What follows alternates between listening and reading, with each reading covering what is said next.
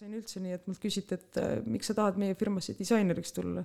ma vastasin selle peale, noh, te otsite disainerit ja ma elan ja hingan disaini et ise nahk tagis on ju, pool pead kiilakas tätoveeritud, noh jah, mis on ju, et. no minu meelest ehe näide nagu kunstiinimesest nagu. no mina leian, et aga disainer peabki olema veider. see on, see on hea disainer, mida veidram ta on, seda parem, paremini ta oma loovtööd teeb, eks ju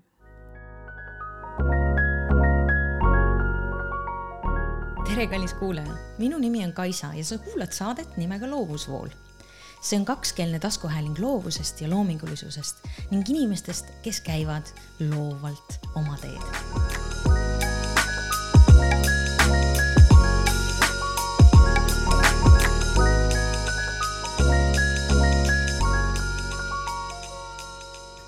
tänane saatekülaline on minu jaoks kõike muud kui võõras inimene meid äh, ühendab teineteisega see, et äh, tegemist on minu arvates tõelise multitalendi ja meeletu kassiarmastajaga ning ta on keegi, äh, kellega mina kui vabakutseline graafiline disainer ja kunstnik saan igal ajahetkel end loominguliselt ja väga värvikalt sõnades maha laadida kui vajadus peaks tekkima ja vastastikku oma mõtteid ja muresid ja nõu isegi jagada lisaks kõigele muule tunnen ma teda ka läbi selle, et, et ta aeg-ajalt äh, videograafina loob väga ägedaid muusikavideosid ning äh, reklaamklippe kassidest ja koertest ja ilmselt veel nii mõnestki asjast, millest mina teadlik ei ole.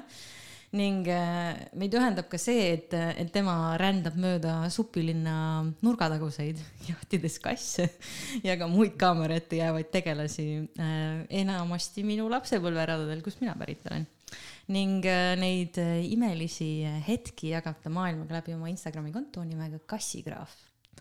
aga enne kui ma kõik tema tegemised ja lood äh, juba ette ära rääkida jõuan, siis tere tulemast saatesse Loovusvool, mu kallis sõber Helen Rae. Mm, tervist, tervist, Kaisa et kuidas sulle tundus see minu sissejuhatus, kas ma ajasin väga palju mula suust välja või oli tegelikkuses on ka lood nagu sellised? Ei, väga armas, ma tunnen ennast kõrvust tõstetuna, aga jah, omalt poolt võin ka öelda, et Kaisa on, sina, Kaisa, oled mu sõbranna, kellega ma saan nagu oma disaini asju nagu välja elada, et sõbrad ei talu ju kuulata seda, kuidas sa kirud, et noh, neid disaini erinevaid asju, mis selle tööga kaasa tulevad.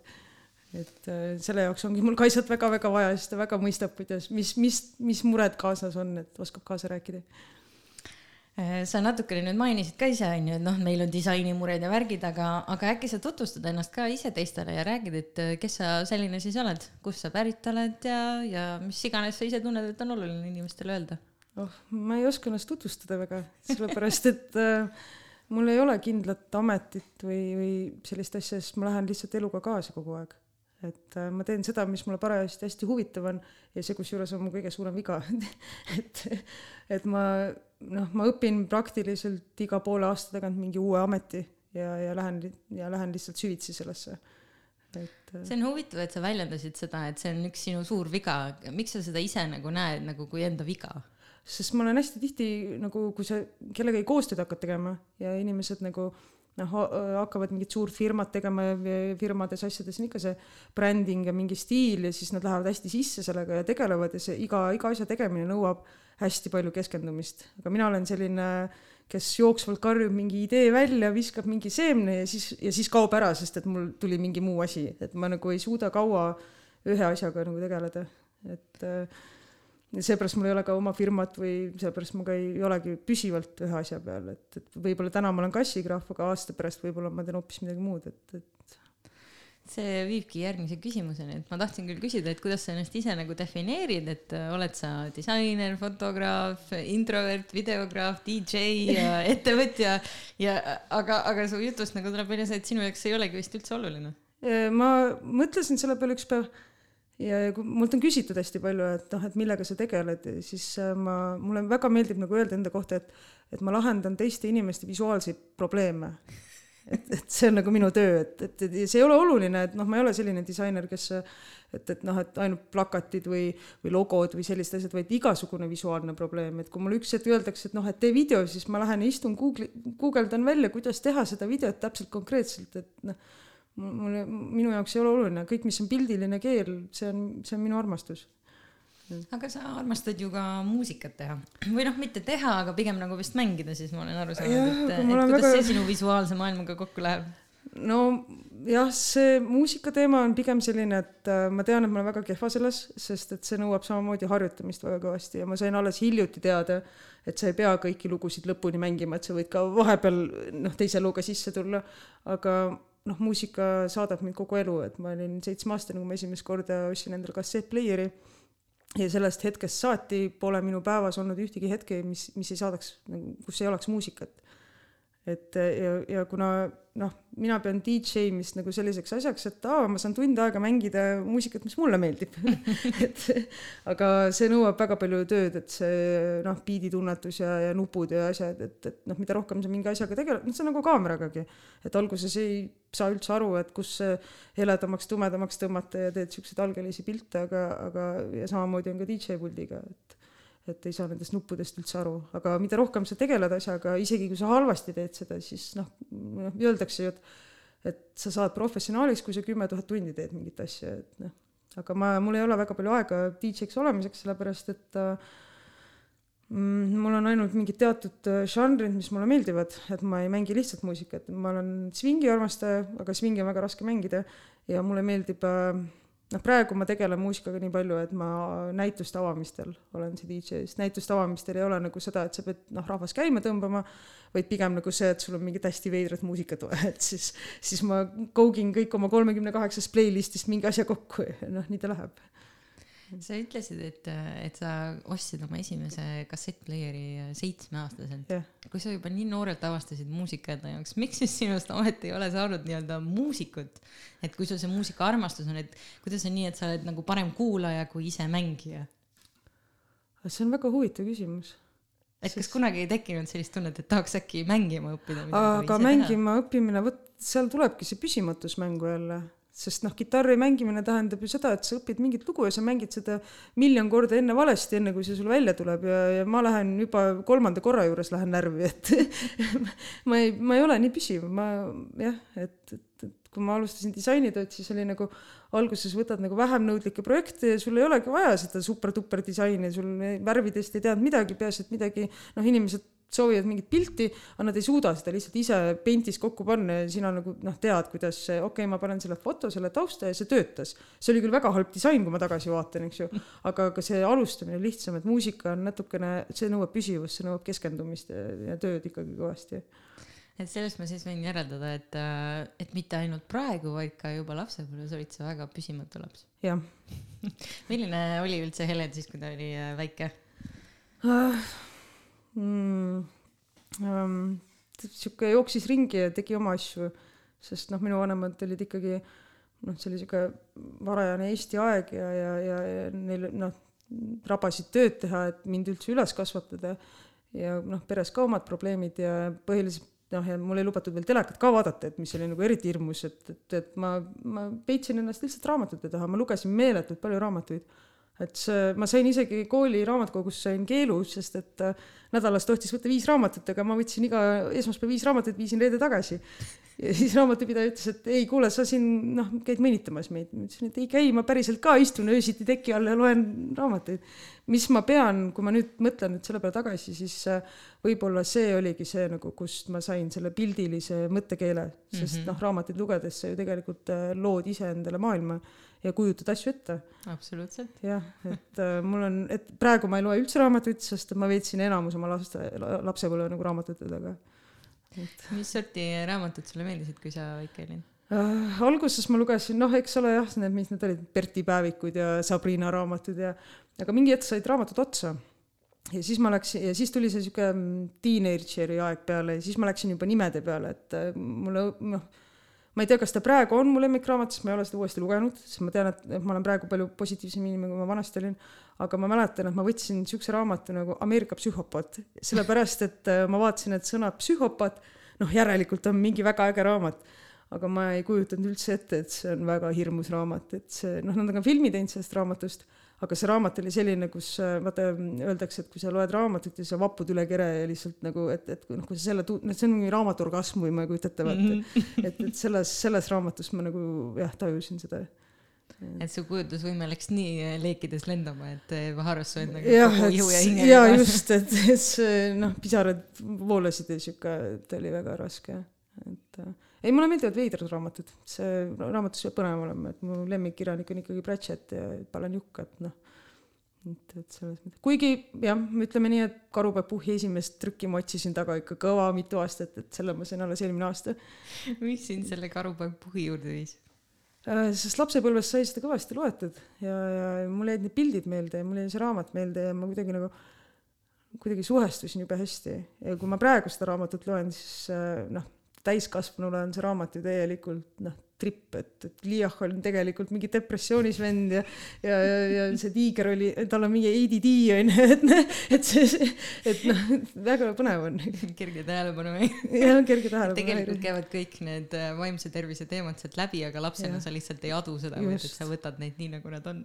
no lapsena keegi ei ütle sulle, et, et see on probleem ja vanasti ka öeldud, et mulle on, minule on öeldud tänapäeval küll, et mul on ADD ja ma, ma olen isegi mõelnud selle pealt, noh, järelikult siis on aga mina ei leia, et, et see, et see oleks viga inimese juures. ma leian, et igal inimesel on omad asjad, millega nad diilivad ja, ja minna ja öelda kellelegi, et aa, sul on vaimne probleem, on väga julm. et me ei pea, me võime olla ju kõik, kes me tahame, kes me oleme et selles mõttes. no eks see muidugi oleneb ka palju sellest onju, et mis eesmärgil seda sulle öeldakse, et kas seda öeldakse selleks, et, et nagu põhjendada mingit asja, mida nad ei taha sulle anda, ma ei tea, näiteks tahad tööle minna ja öeldakse, kuule, et sul on nii ei no see oli mingi tähelepanuhäire, sinuga pole võimalik tööd teha. ei no see oli, see oli, see oli üks, see oli üks šamaan, kes mulle seda ütles, aga, aga see oli nagu naljakas, sellepärast et noh, me vestlesime Messengeris ja, ja, ja iga kord, kui ta mulle midagi ütles, siis ma lasin talle noh, seinatäis teksti kohe vastu, aga hästi kiiresti, sest noh, ma olen see inimene, kes üldse ei mõtle, ma lihtsalt lasen nii, kuidas torust tuleb, onju, et, et mul ei ole seda planeerimist, onju ja, ja siis ta ütles mulle, et aa, et sa oled liiga kiire mu jaoks, et aa, et sul on probleem, et sul on keskendumishäire. ja, ja siis ta ütles, et ah, et ta on šamaan, et ta parandab mind. aga mina leian, et inimene, kes ütleb, et ta on šamaan või tervendaja, on kõige suurem egotripp, eks ju, et äh, tõeline šamaan ei ütle seda. ja mm. siis ma mõtlesin selle peale ja siis ma hakkasin ka mõtlema, et nojah, aga kui mul ei oleks seda kiiret nagu kohanemisvõimet, eks ju, et ma suudan nagu võtta ühe teema ja kohe minna ja teha, eks ju, siis ma ei oleks ju see, kes ma olen ja ma ei suudaks oma tööd teha nii, nagu ma teen. või siis ka teine variant, et äh, kui sul ei oleks olnud kogu aeg äh, vajadust äh, kohaneda, siis sa ei olekski kunagi õppinud nii kiiresti nende asjadega tegelema ja no, ja, ja leidma nagu uusi loovaid lahendusi mm. -hmm. et selle koha pealt ma olen küll sada protsenti nõus nagu, et eks iga inimene leiab oma nende nii-öelda nõrkade või tugevuste mm, toetuseks äh, need kõige paremad töövahendid, eriti just nagu ise tegeledes nendega mm. -hmm. kuigi jah, noh, teatud tingimustel on ka alati tore, kui, kui keegi aitab kaasa, onju, et eriti siis, kui sa teadlik ei ole nendest asjadest, onju. Mm -hmm. see on mhm. muidugi väga huvitav, kas sa teadsid nooremana ka, et see, et on mingi probleem või panid tähele või oli see no ma ei teadnud noorena mitte midagi mul on selles mõttes jah keeruline, et äh, mul ei olnud nagu väga palju nagu seda inimsuhtlust noorena, et mul ei olnud noh, sõpru ja siukseid asju, et ma olin alati see veider tüdruk klassis, et äh, omaette mm, ja, ja, ja ma ei osa, ei oska, ma ei teagi, kuida-, mis inimesed on, et, et ma noh, sest ma panen mingit oma rada pidi kogu aeg, et ma alles nüüd hiljuti olen hakanud tegelema inimestega mm. -hmm. sest noh, ma tegin noh, lapsepõlves ma olin oma raamatute keskel, joonistasin, siis läksin, hakkasin tööd tegema, siis tüütasin kõik sõbrad oma tööjuttudega ära ja, siis nüüd mingi hetk ma avastasin, et ah ma ei tahagi enam tööd teha, et äh, praegu ma väga valin seda, mis ma teen, et äh, ma saan oma põhitöökohalt oma selle palga kätte, mis annab mulle selle vabaduse, et ma ei pea kõiki projekte vastu võtma mm. -hmm. et ma ei pea minema päästma, sest disa-, häid disainereid on maailmas palju ja ma võtan vastu ainult projekte, mis mind tõesti, tõesti huvitavad, et see on lahe jah see on muidugi huvitav, et sa ütled, et häid disainereid on maailmas palju, mulle tundub, et Eestis on neid kuidagi kontsentreeritult vähe, sellepärast et aeg-ajalt tekib küll siuke mulje nagu, et kuskil, kuskil enam ei ole ühtegi head disainerit üle, et, et kuidagi noh, vähemalt jääb nagu mulje, et inimesed otsivad kogu aeg mingeid disainereid, aga neid kuidagi ei leita kuskilt üles, et kas nad on siis oma kivi all peidus või, või mis sa arvad, mis see tingimus on, miks inimesed otsivad nii palju disainereid ja ei leia neid? no see on suhtumise küsimus et äh, hästi paljud disainerid, kes noh, näiteks EKA-st tulevad, eks ju, et neil on, noh, ma olen ise ka otsinud disainerit, et mul on töö juures vaja asendajat aeg-ajalt ja ma olen intervjuusid teinud ja siis ma avastasin, et noh, disainer on ju, ei tohi mitte kunagi mõelda niimoodi, et, et mina, ta ei tohi olla egoistlik. isegi kui sul tuleb halb purksi platoo mingi mingi mingi plakat vaja teha eks ju sa näed et see on mingi suvaline vene putka siis jah sa võib-olla ei tee selle tipptasemel mingit äh, iPhone'i disaini aga sa teed selle ära sa lahendad selle inimese jaoks selle mure ära ja sa ei lähe pärast ütlema et ah vaata kui vaata kui hull kole klient tuli eks ju disainer ei mõtle niimoodi disainer peaks mõtlema et et, et sa vajad pildiliselt abi ja mina oskan sind pildiliselt aidata mitte see, et noh, ja hästi paljud inimesed, kes mulle nagu saatsid oma portfooliot, neil on see oma stilistika ja ma näen juba kaugelt ära, et, et nad ei ole nõus oma stilistikat muutma. Noh, disainer peaks suutma ju tege-, teha nagu igasugust disaini, et kui ma tegin mhm. neid äh, Jaanika dresse, siis oli samamoodi, et et palun pane mulle punase tausta peale kuldsega ringi Eesti lipp, eks ju, ehk siis see sinine, punane, kuldne, noh, kuidas ma nüüd ära lahendan selle, et see on ju tegelikult noh, eos juba väga halb idee, et aga, aga ma ei saa võtta seda niimoodi, ma peangi mõtlema nii, et ahah, see on nüüd see mure ja see tuleb nüüd ära lahendada. Kuidas sa üldse jõudsid äh, graafilise disainini, kas sa käisid äh, kuskil koolis õppimas ka graafilist disaini? ei, ei käinud. okei, kuidas, kuidas sa siis jõudsid selleni? ma, elu ise vormis et tundsid, et tahan saada graafiliseks disaineriks või isegi ei mõelnud, lihtsalt juhtus nii? tegelikult, kui väga-väga aus olla. no absoluutselt aus peabki olema. et siis äh, ma tegin sisearhitektuuri väga kaua aega ja, ja see on nii raske töö, sest et äh, sisearhitektina sa pead tegema nagu vähe sellest, et sa teed joonise, sa teed 3D, siis sa teed äh, tabeli, ma vihkan tabeleid, numbrid, tabelid ei ole minu asi, kui ma pean Wordis midagi kujundama, siis ma panen sada euri juba hinna, hinnale otsa, eks ju. Ja, ja, ja pluss veel see, et sa pead olema turuhindadega kursis, klient tahab saada asju põmps, põhimõtteliselt tasuta, eks ju. Ja ma lihtsalt ei jaksanud seda tööd enam teha ja ma vaatasin iga kord, kui ma saatsin mingi kujunduse välja, et oh, mul on vaja seda plakatit ja siis ma mõtlesin nagu, et aa, et kuskil on mingi disainer, kes peab selle nagu trükki saatma ja, ja, ja üleüldse, kes see plakati kujundamine, et see tundub nagu palju loogilisem kuidagi kui, kui mingi noh, 3D tegemine, mis võtab kohutavalt palju aega, noh, aja ja tasu suhe ja kõik see, mis sa sinna paned, et noh, sisearhitekt peab olema ikkagi hullumeelne inimene, et ta peab olema valmis istuma kakskümmend neli tundi nagu arvuti taga. no sisearhitektuur tundub nüüd täitsa selline amet nagu, mida peab ikkagi koolis õppima. Jah, seda, need inimesed, kes ütlevad, kes teevad nagu remondi ära ja ütlevad, et nad teevad nüüd sisekujundust, siis ma ütlen selle peale, et jah, sa teed sisekujundust, aga sisearhitektuur hõlmab ikkagi arhitektuuri, et, et see vahe on, on küll olemas, jah. et siis kuna ma ei ole kursis, on ju, ma eeldan, ma pakun, peale keskkooli sa läksid sisearhitektuuri õppima? jah. kus sa õppisid sisearhitektuuri? Euroakadeemias kus on Euroakadeemia see oli Tallinnas, nüüd nad pandi kinni, sest nad ei läbinud akrediteerimist, aga aga tegelikult see asi oligi niimoodi, et äh, no ma ise teadsin ka, et see ei ole hea kool. ma tahtsin EKA-sse minna, aga samas mul on väga hea meel, et ma EKA-sse ei saanud. aga mul oli vaja paberit lihtsalt ja üks päev isa ütles mulle, et noh, ma maksan sulle esimese aasta kinni, tüdruk, mine. ja mu isa on ka projekteerija, nii et mul oli see AutoCAD on juba veres põhimõtteliselt ja ja, ja ma, sest ma teadsin, ma teadsin sisimas, et kui mul see paber on ja ma lähen töövestlusele, aga see paber eeldab, et mind kutsutakse töövestlusele. Ja ma teadsin, et kui ma lähen töövestlusele, siis ma niikuinii saan sinna tööle mm. -hmm. sest noh, suhtumine on ka asi, eks ju. et. Äh, milline see suhtumine tol ajal oli äh,? sihuke go to, et nagu lähed vestlusele, ütled, et noh, oskangi, mis siis onju veits väike siuke bravado oli peal. ja, ja selline ja. no, noor ja ülbe no see töökoht, kus ma praegu töötan, siin selle ma sain üldse nii, et mult küsiti, et äh, miks sa tahad meie firmasse disaineriks tulla. Ma vastasin selle peale, noh, te otsite disainerit ja ma elan ja hingan disaini et ise nahk tagis on ju, pool pead kiilakas tätoveeritud, noh jah, mis on ju, et. no minu meelest ehe näide nagu kunstiinimesest nagu. no mina leian, et aga disainer peabki olema veider see on, see on hea disainer, mida veidram ta on, seda parem, paremini ta oma loovtööd teeb, eks ju. miks sa nii ütled? sest noh, kui sa nagu iseennast ei disaini, noh, kuidas sa siis teisi asju disainid, eks ju. väga põnev. Ma ei tea, tavaliselt on, et ma olen nagu taibanud, et kui ma nagu kunstiinimesi vaatan, siis nad alati teistmoodi riides ja nende see elu motod ja asjad on nagu hoopis teistsugused kui ütleme mõnel inimesel, kes teeb mingit sellist noh, lihtsalt nagu ma, ma ei taha öelda halvasti, nagu ma ei mõtle halvasti, ma hindan neid inimesi ka, sest igasuguseid inimesi on maailma vaja, onju. Aga lihtsalt ma olen märganud, et loovinimesed on pigem veidrad nagu, et siuksed natukene noh, imelikud onju. huvitav, kas see teeb loovinimesed ka teiste inimeste suhtes natukene vabamaks või? ja ma just mõtlen, et see, et sa oled, ütled, et ma olen loov inimene, siis ja sa võidki nagu, saadki vaba voli nagu veider olla ja, ja. sa ei pea üldse muretsema selle pärast, mida teised just. arvavad, sest noh, niikuinii oled veider. ja ei, on küll jah. no ma töötasin ju suures korporatsioonis ja ja minu jaoks oli nagu kõige suurem probleem, mis seal firmas oli, oli see, et kuidas ma ennast riidesse panen?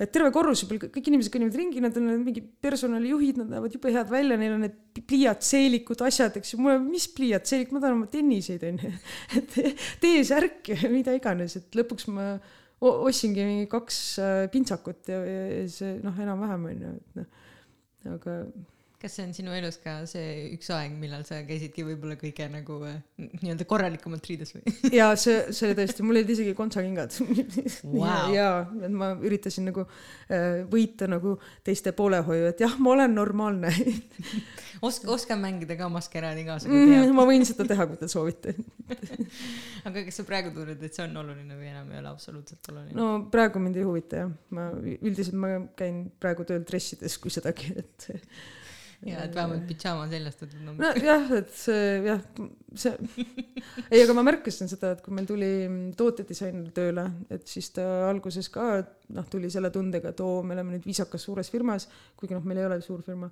Ja siis vaatasin, et ta ikka iga päev nagu noh, teeb ennast korda ja tal on viisakad riided, aga, aga mina leidsin, et päev otsa istuda dressides, eks ju, ei ole või nagu päev otsa istuda teksapükstes on nagu jube kurnav tegelikult, et noh, loovtööl ma tahan ikkagi nagu, mina olen kringeltooli peal, see on nagu asi mis asi on kringeltooli peal? no ikka jalad kronksus ja niimoodi vaata, et, et, et ei ole selline korra, korralik laua taga istuja, ei, see unustage ära, klapid pähe ja läheb, onju.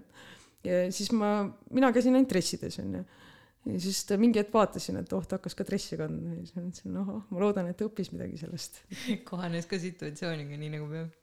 kuigi mm, jah, välimus on oluline jah, sellepärast et äh, kui sa ikkagi tahad nagu äh, noh, mingisse viisakasse firmasse tööle saada, siis sa tegelikult peaksid nii palju nagu arvestama. Ja mitte minema seda teed pidi, et, et, et noh, et ah, et tee, mis tahad, ole sina ise, sest et inimesed ikkagi hindavad sind välimuse järgi ju, et, et see on, see on, see on primaarne asi, see on selline noh, mina ise ka ju samamoodi, et nagu kui ma näen mingit ilusat inimest, mul on nagu rohkem tõmmet tema poole, eks ju, ja ma hindan inimest teistmoodi et eh, kui ma näen mingit kaltsakat, ta võib olla super vapustav multitalent, aga mul on kohe see maik juba juures, et ah, kuule, ta vist ei hoolitse enda eest väga, onju.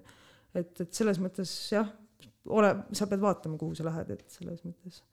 kaua sa suutsid siis seda sisearhitektuuri eh, maskeraadi seal korraldada?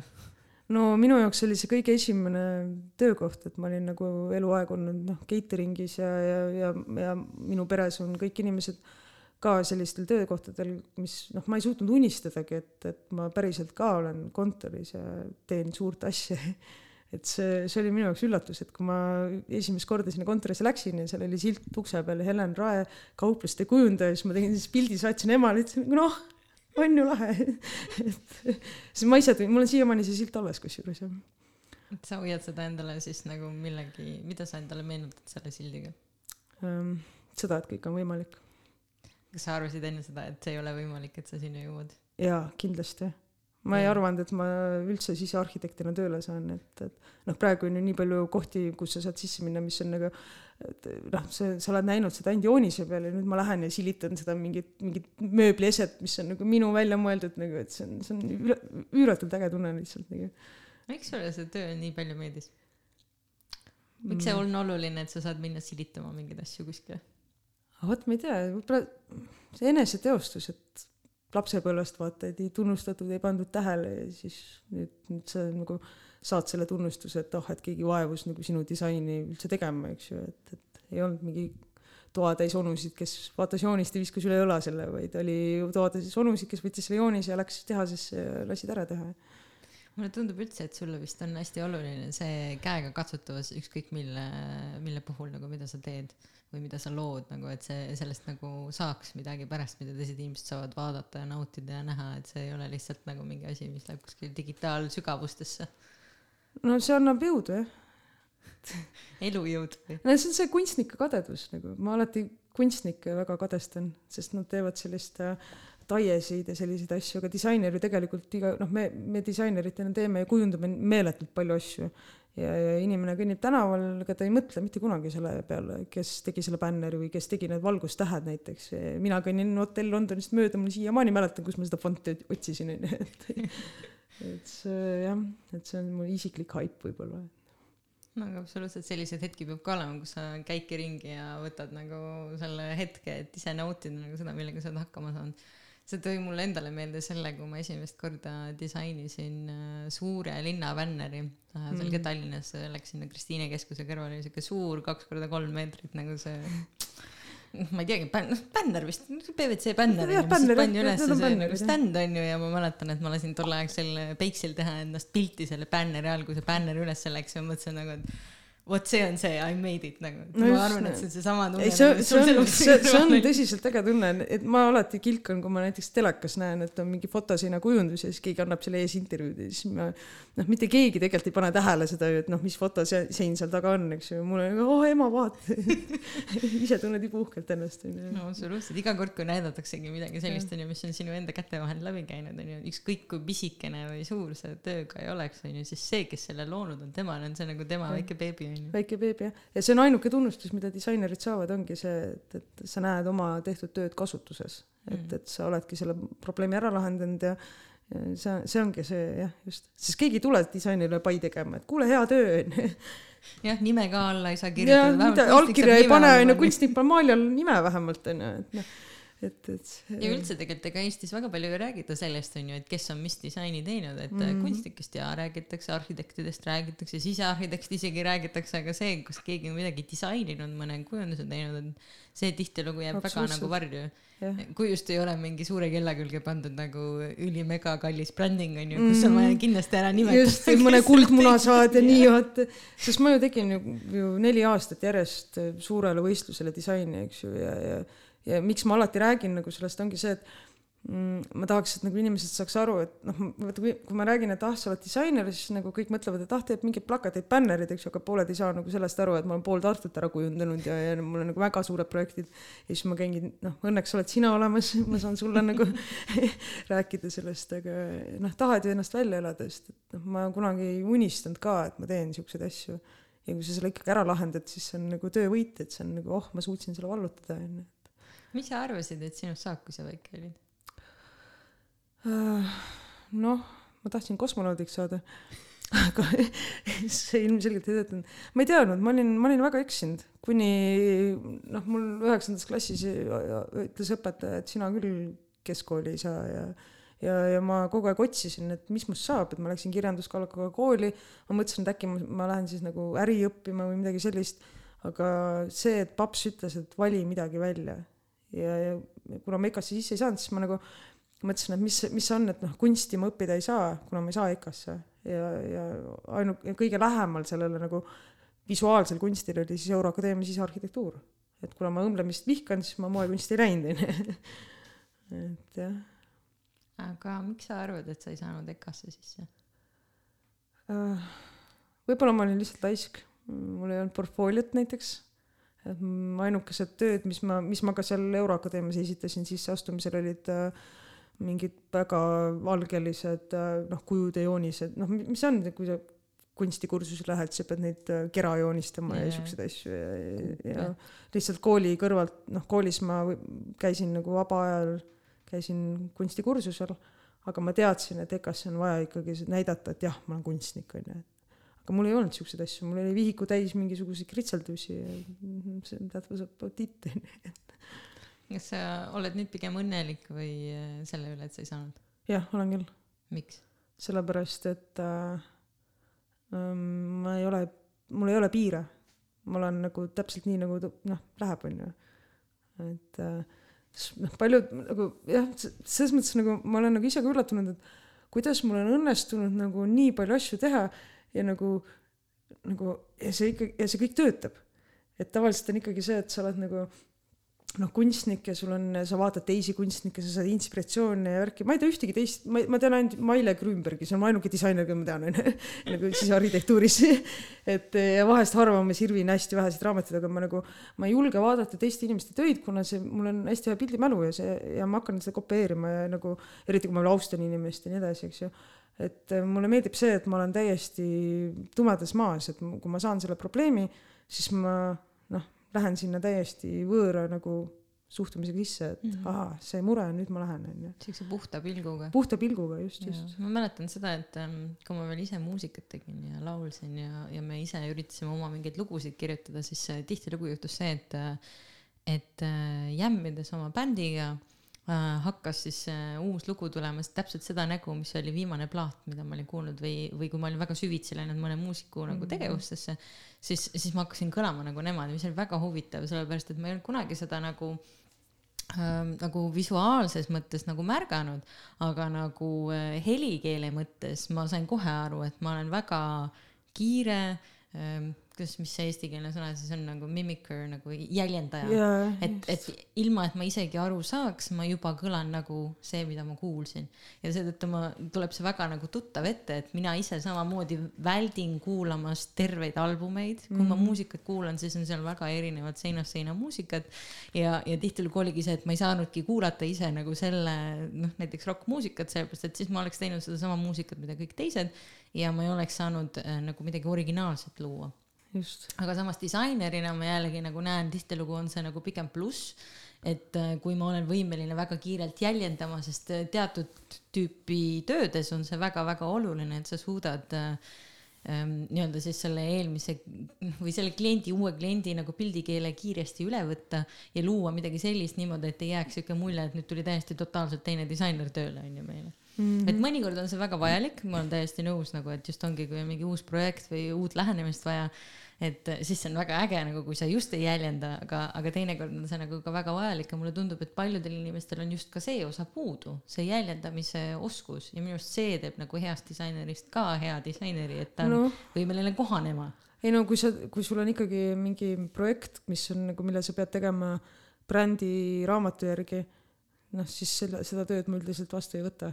Hmm. et äh, see minu jaoks on liinitöö ja miks ma ei tee ka praegu siukseid projekte, kus, et äh, ah, kujunda meile menüü või kujunda aknakujundus, see on minu jaoks nii lihtne, see on noh, see on mõttetu ja ma pean seda tegema teise disaineri nagu brandbook'i järgi, siis see ei ole väljakutsuv mu jaoks, see ei ole uus, ma olen seda nii palju, see on noh, liinitöö, see ongi, ma olen see käsi seal, seal illuka taga ja Monkey see, monkey do. mm. -hmm, põhimõtteliselt, et mulle meeldib nagu jah, see, et mulle antakse täiesti uus probleem ja seal ma siplen ja tegelen ja et see on nagu parem veits.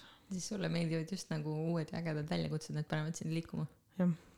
et kui mul on see uppumisohu tunne, et see on see, mis mind motiveerib, et et töö juures samamoodi mulle öeldakse, et noh, monteeri nüüd video ja siis ma, oh mul pole aimugi, kuidas seda tehakse ja siis äh, ja siis ma hakkan otsast õppima ja, ja, ja, ja kuna ma tunnen nii suurt hirmu töö kaotamise eest, eks ju, sel hetkel, siis ma olen ju sunnitud seda ära õppima. ja, ja siis ma õpingi.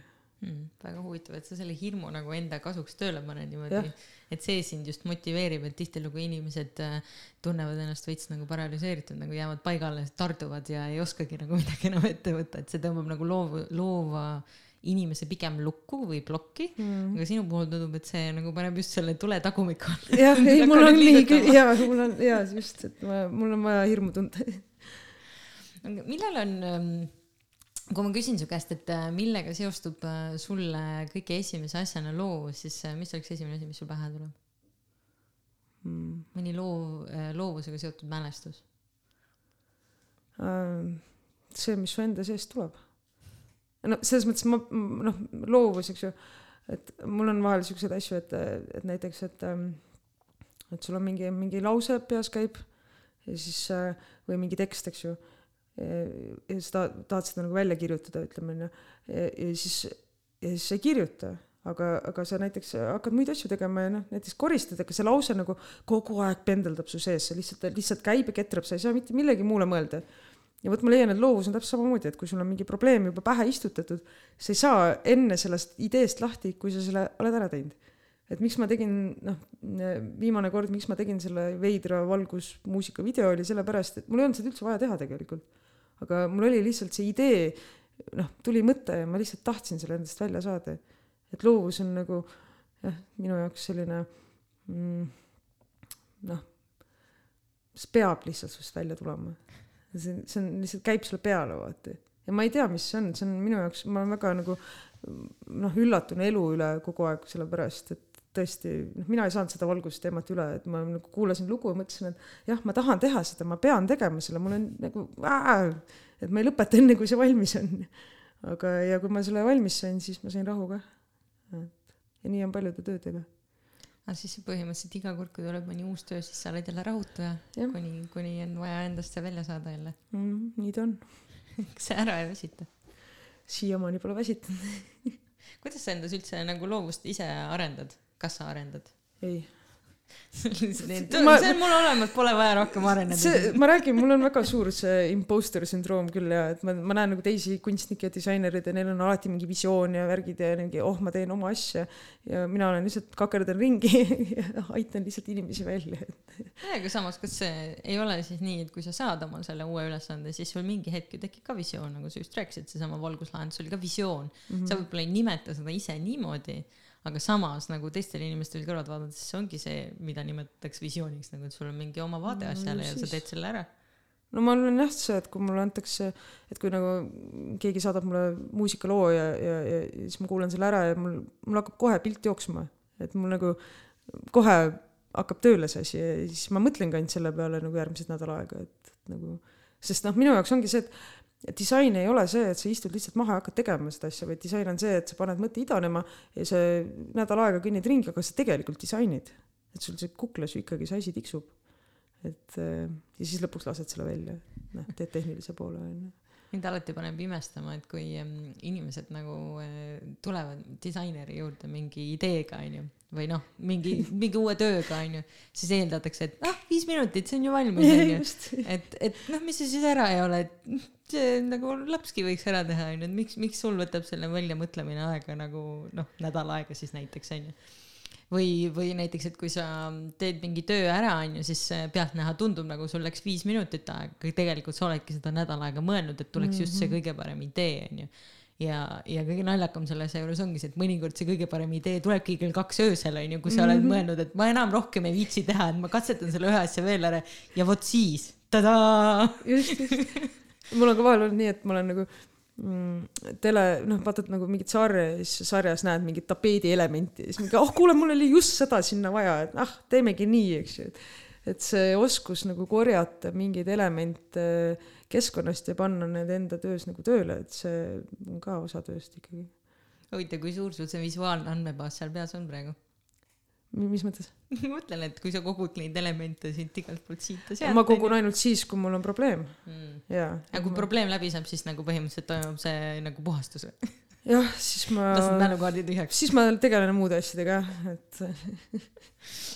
okei, aga kuidas sa jõudsid selle ikkagi selle disaini juurde, et sinu, sa olid ise arhitekt on ju, noh, jumala hea koht ju, miks, miks peaks üldse midagi, midagi uut nagu proovima, et you made it nagu, sul oli silt seina peal ja, või selle mm -hmm. ukse peal, et noh milleks disain?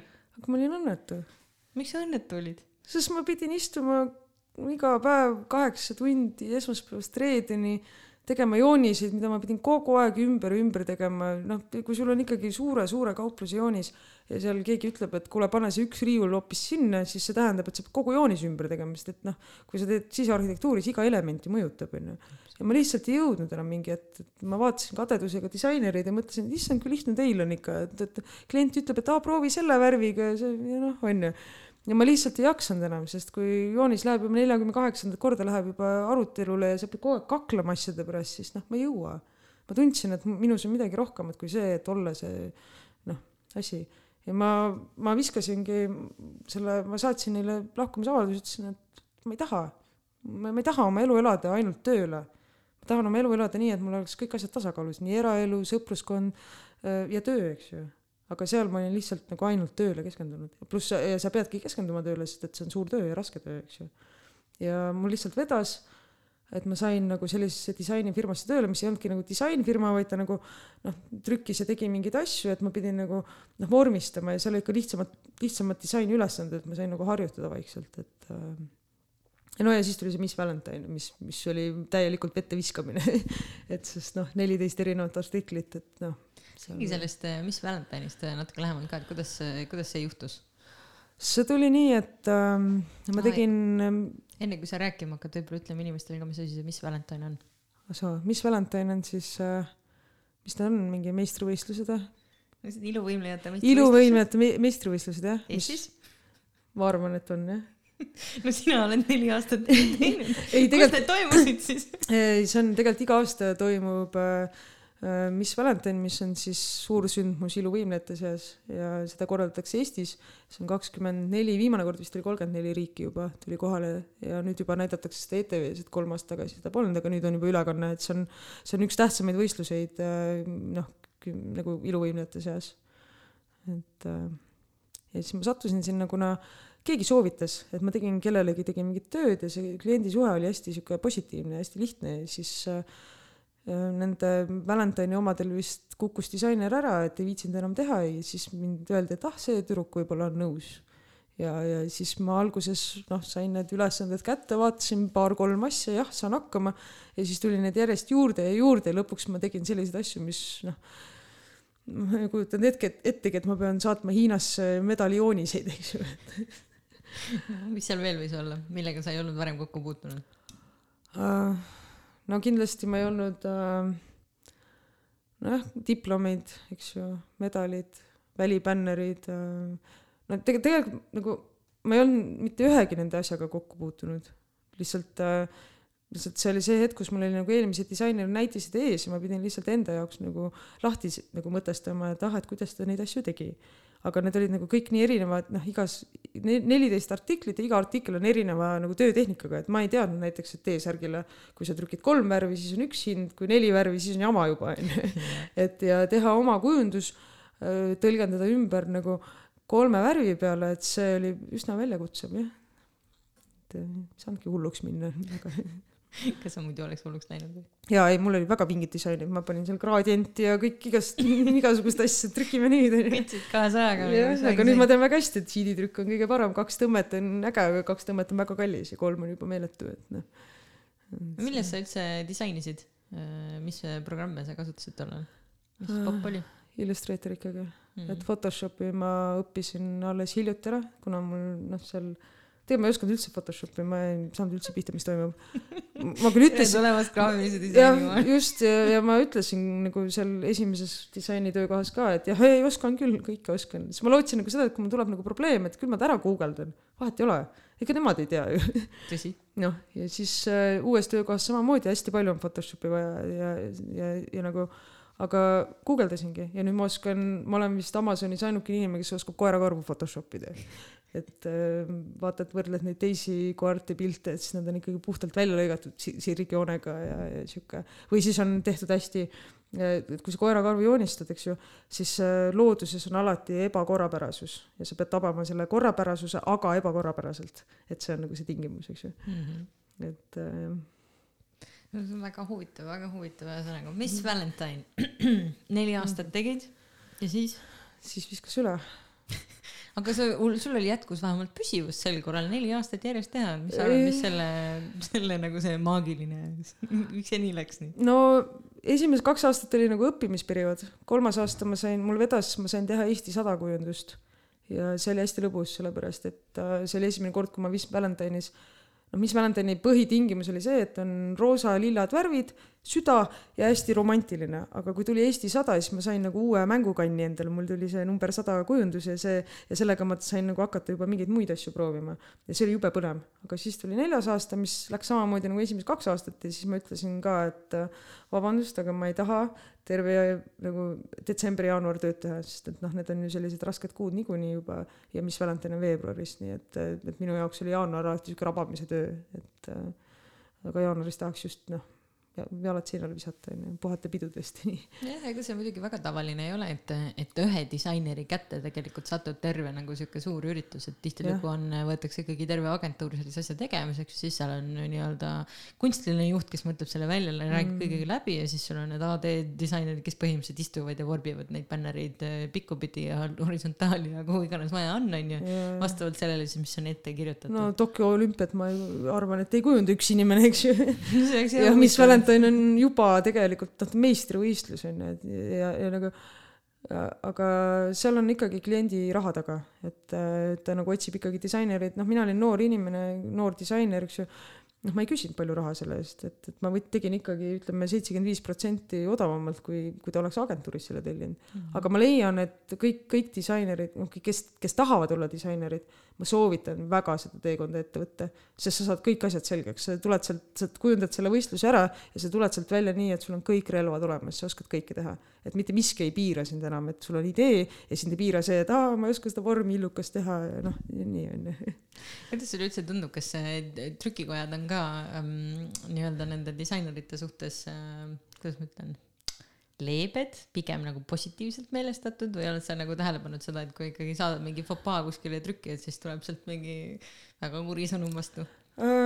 see oleneb trükikojast, kuigi kuna ma ise töötasin ka trükikojas, eks ju, siis äh, ja, ja ma hästi tihti sain mingeid kujundusi, kus sa vaatasid, et issand, kas te ei tea nagu SMÜK ja RGB vahet või mis teil viga on, siis tegelikult äh, trükikojades on tööl disainer, kelle kohustus on vaadata see asi üle ja kui midagi on valesti, siis sa ei saada seda asja trükki, eks ju. aga see nüüd sõltub inimese enda aususest, et äh, kas sa ütled, et äh, või ei ütle et kas sa hoolid nii palju, et sa ei saada seda, et kui, et kui mulle tuli seal trükikojas mingi fail, siis ma ei pannud lihtsalt nagu noh, print on ju, ma ikkagi vaatasin selle asja üle ja, ja kui midagi oli noh puudu, näiteks mingi pleed oli puudu või mida iganes, siis ma kas joonistasin ise võimalusel selle pleedi sinna või siis saatsin disainerile ja palusin tal seda teha, aga ma hoiatasin, et kuule, et see trükk ei tööta, palun, palun tee uuesti onju mitte see, et sa lased tuugalt trükki ja siis pärast klient saab mingi halva töö ja, ja, ja, ja ja siis ütled, et aga te ise saatsite. kui tihti sul üldse disainerina ette tuleb seda, et sa pead oma klienti ise õpetama või rääkima neile mingitest asjadest, mis on teadaolevad ainult disaineritele? äh, iga kord. Aga mul on selline nipp, et ähm, kui ma töö välja saadan, siis ma kasutan hästi siukseid äh, suuri sõnu. et, et ma kasutasin neid kahte värvi, sellepärast et üks värv komplementeerib teist värvi ja siis paned sellise targa jutu juurde, et, et, et see, see tavaliselt töötab. aga kas sind üldse häirib see, et sa pead oma klienti ise nagu õpetama? ei häiri, sest ma pean aru saama sellest, et klient ei ole see nagu kunstinimene ja, ja tal ei ole noh, vaata visuaalsust ka ju treenitakse. Et kui ma lähen ülikooli näiteks ar- sisearhitektuuri õppima, siis tegelikult mind treenitakse 3D-s mõtlemisse ja tavainimene ei oska seda, sest tal ei ole vaja sellega tegeleda. ja samamoodi ma ei eelda, et kui mulle tuleb mingi jube halb disain, siis minu esimene reaktsioon ei ole see, et issand, kui nõme, vaata, milline ta on, onju. et minul on pigem see, et okei okay,, et ma olen rohkem pildikeeles sees, okei okay,, ma, ma, ma aitan sind oma oskustega. jah, see on muidugi huvitav, kas see, kas arh-, sisearhitektuuri õppimine sinu jaoks midagi ära ka rikkus või? et ma nagu, miks ma küsin seda niimoodi naljakalt, on see, et kui mina nagu läksin graafilist disaini õppima, onju, siis ma alati naersin või arhitektuuri õppima. et siis arhitektuuris sind õpetatakse maju vaatama teistmoodi, sa ei saa enam kunagi ühestki majast mööda minna lihtsalt, et ah, ilus maja on. sellepärast, et sa tead nagu, miks see maja on selline, sa tead, mis ajastust ta on, võib-olla sa paned tähele kõiki neid detaile. sa tead akende kohta mingit veidrat asja, mida ükski inimene tavapäraselt ei On paneks tähele, onju. ja sama graafilise disaineriga, ma lähen näiteks eh, tänapäeval restorani, siis minu esimene asi ei ole, et oo, kui põnevad road siin on, vaid ma vaatan mm,, päris ilus eh, logo ja oo, mis font siia on valitud menüüsse, onju või noh, kasvõi tänavalgi ringi käies, et mu nagu aju kogu aeg töötab sellel suunal, et kas see on ilus disain, kole disain, kas ma saaks seda paremini teha, kas ma oskaks seda teha, et kas, kui sina maailmas ringi käid, kas sa vaatad neid asju samamoodi? kusjuures vaatan, aga ma tean ka seda, et kui on, et ma nagu, kui ma vaatan mingit disaini, mis ei ole võib-olla nii hästi õnnestunud, siis ma nagu, ma juba kujutan ette seda meilivahetust nagu selle, selle disaineri ja kliendi vahel, eks ju. et vahel klient on tõesti vä- väga pealetükkiv ja tal on oma visioon, eks ju. sest noh, see on ju tegelikult päris aus, et kui sul on nagu neliteist inimest ruumis, siis sul on ka neliteist arvamust disaini kohta tegelikult. ja, ja inimesed üldse ei arvesta sellega, et noh, disainer tegelikult teab, et las noh, sa ei pea seda logo suureks tegema. Sest kui disainer ütleb, see logo on väike, siis ta töötab niimoodi, sest noh, disain, noh, disain nagu ta on nagu õudselt äge nagu vorm nagu teha mingeid asju, sellepärast et iga väiksem täpp võib muuta hästi palju. üks joon võib juba muuta, onju, et kas noh, ja, ja, ja kui ma näen mingit siukest nagu koledat tööd, siis ma enamasti ma saan aru, et ahah, seal on nüüd klient hüpanud peale, öelnud tee nii ja, ja on hästi kindlaks jäänud endale, et ei usalda nagu noh, disainerit pigem. jah, kas see pole mitte üldse huvitav, et, et inimesed, kes nagu palkavad disaineri, inimesi, kes on visuaalselt ennast treeninud sellele tasemele, et ta teab, kuidas peaks asjad kõige paremini olema, onju. et neid inimesi ei usaldata, see on umbes sama, et sa lähed poodi ja sa ei usalda müüjat ja. või et sa võtad endale juristi, aga sa ei usalda seda advokaati, lähed ise nagu kohtusse. et keegi teeb nagu kokk onju, teeb sulle roa, eks ju, ja siis sa ütled, et ei, paneme ikka seda pipart juurde, paneme, paneme tüümiani ka onju, mis sest, et seda retseptis pole, et noh, see on ju minu jaoks ju täpselt sama, disainer on samamoodi, ta on lihtsalt, ta on loovuse kokk onju. jah, noh et sa ei lähe kokale ütlema, et kuule, et äh, ma ei tea, teeb trühvlikastet onju, sa ei ütle talle, et kuule, pane muna ka onju. sa võid öelda, et mulle ei maitse see. üks täpselt, sa võid oma arvamust, just, just onju. aga sedasi ei saa ka öelda disaini kohta, et ah, see pole minu maitse, sellepärast et disaini noh, seda ei tehta ainult ühe inimese jaoks, seda tehakse ju kõik, sa pead enamust ju hoomama ja, ja disainer alati noh, mina küll disainerina kui mulle antakse mingi ülesanne, siis ma kõigepealt esimene asi, mis ma teen, on ma lähen selle firma kodulehele ja ma vaatan, mis stilistika neil on, mis on nende klientuur, eks ju, keda ma tahan nagu püüda üldse ja ma alustan nagu sealt, et mul ei ole see, et oh, ma arvan, et see must ja kuldne, et see mulle praegu hetkel mul on see faas, et noh, ma teen sulle ka nii, et ei ole niimoodi. peab nagu hästi palju tundma nagu seda ka, kes su klient on ja miks ja. ta sinu juurde tuleb no ma tean nagu noh, disaini ise õppides ka on ju hästi palju räägitakse sellest kliendi tundmisest ja analüüsimisest ja noh, eks see tuleb kõige rohkem tuleb välja ilmselt ka siis, kui sa teed kellelegi brändingut või logo või mõtledki üldse täitsa välja seda, et mis on see, mida nad esindavad. et võib-olla plakatikunstis see alati niivõrd nagu kuidas ma ütlen, niivõrd nagu primaarne ei ole, aga oluline on see, et sa ikkagi adud ära nagu, et kellele sa seda teed ja mis see on see meeleolu või, või see suund või või see nende visuaalne stiil juba praegu on ju, mida sa siis, kuhu sisse sa peaksid sobituma et.... mis, mida sa võid kasutada. sest ja. disainis on ju nii palju variante, mida noh, nii palju relvi, mida teha, nii palju kujundusstiile, nii palju värve. siis, siis sa peadki, noh, mulle õudselt meeldib see, et alati, kui ma, mulle meeldib stereotüüpidest rääkida, ma väga palju stereotüpiseerin, aga sõbrad on sellised, mul on hästi toredad ja vahvad sõbrad, kes on nagu noh, armastavad kõiki ja siis nad alati ütlevad, Helen, ära nüüd see, mis stereotüüp, aga, aga ma pean tundma stereotüüpi, eriti kui ma reklaame teen. Mm.. sest tegelikult disain ju tööt-, on ju puhtalt stereotüübi peale üles ehitatud, et noh, noh, reklaamid vähemalt küll jah, et, et noh, kui sa teed näiteks reklaami, siis sa ju noh, need karakterid, kes sa sinna valid, on ju, sa tegelikult ju võtad stereotüübi järgi, et yeah see ei ole halb asi tegelikult. Eks see vist oleneb jah, kuidas sa sellele nagu lähened, on ju, et kas see on ainult puhtalt sinu äh, mingi abivahend, mida sa töös kasutad või see on sinu viis, kuidas sa inimestega suhtled ka mm.. et disaineritena või disainerina võid sa olla ka samamoodi üleolev fa-fa-fa, ma tean kõigest kõike onju, ma tean, mis on mhm. disain, et sa siin kliendina, sul pole midagi ütelda onju, et sa võid ka sedamoodi asjale läheneda, et siis mm. sellisel juhul ma tõepoolest kohati tunnen, et äh, ka kliendil on õigus avaldada oma arvamust, öelda, et see ei ole minu maitsele ja palun kokka nii nagu mina tahan onju. aga, aga noh, samas teistpidi ka jälle on see, et noh, et see peab olema vastastikune, see on ikkagi koostöö onju ja, ja disainerid äh, palgates sa pead olema ka valmis teda usaldama, sest miks sa muidu ta üldse tööle võtsid endale. sa ei taha ju, selles mõttes, et et kui sa tahad nagu lihtsalt seda hiireliigutajat, eks ju, siis see ei ole disain enam, see on noh, ongi hiireliigutaja, õpi ise Photoshop selgeks onju, kui sa, kui sa nii hästi tead.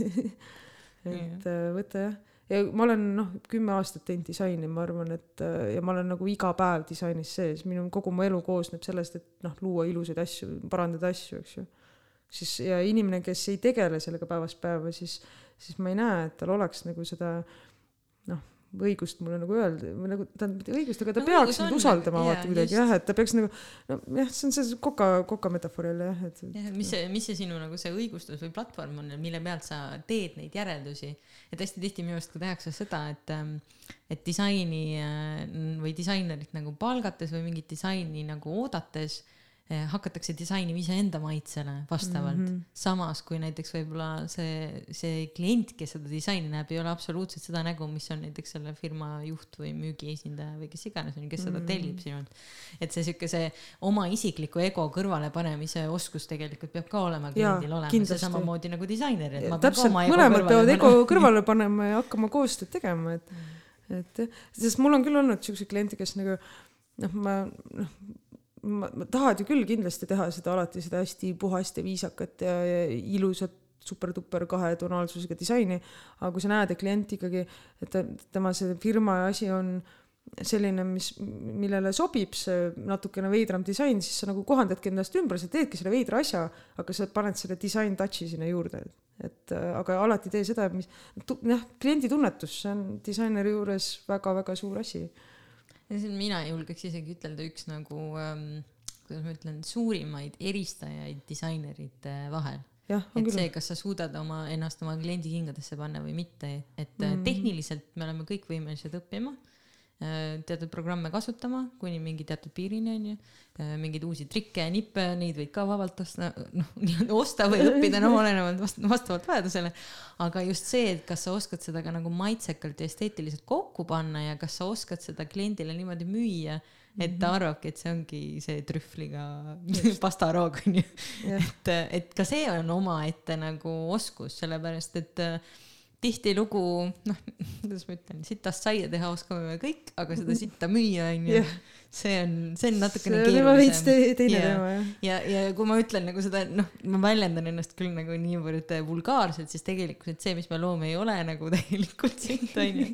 aga, aga lihtsalt, et, et kui mõnikord nagu vajavad inimesed, kes ei usalda oma disainereid, just sedasama nagu teistmoodi sõnakasutust või, või nagu head äh, äraseletamist, et miks ma tegin sellised valikud selleks, et nad ei arvaks, et sa ei teinud midagi. või selleks, et nad saaksid aru, et mis see on, mida nad vaatavad, sest. Äh, tavainimese jaoks, ma ütlen, nad ei käi tänaval ringi nagunii, nad ei analüüsi, et logo siin või seal, mis asi, mis see logo üldse on, see on hea logo, onju, võib-olla mm. ei ole hea mm. logo, kust ma tean, kes et, et ma mäletan nagu seda ka, et kui äh, ma mingi hetk tegin äh, noortele disaineritele nagu siukseid ähm, stilistikakursused või noh, kursused, et kuidas üldse logosid ja asju nagu disainida või, või mida tähele panna. siis see oli mm esimene nagu ja kõige olulisem punkt oligi see, et kas sa oskad analüüsida seda disaini, mis su ees juba on.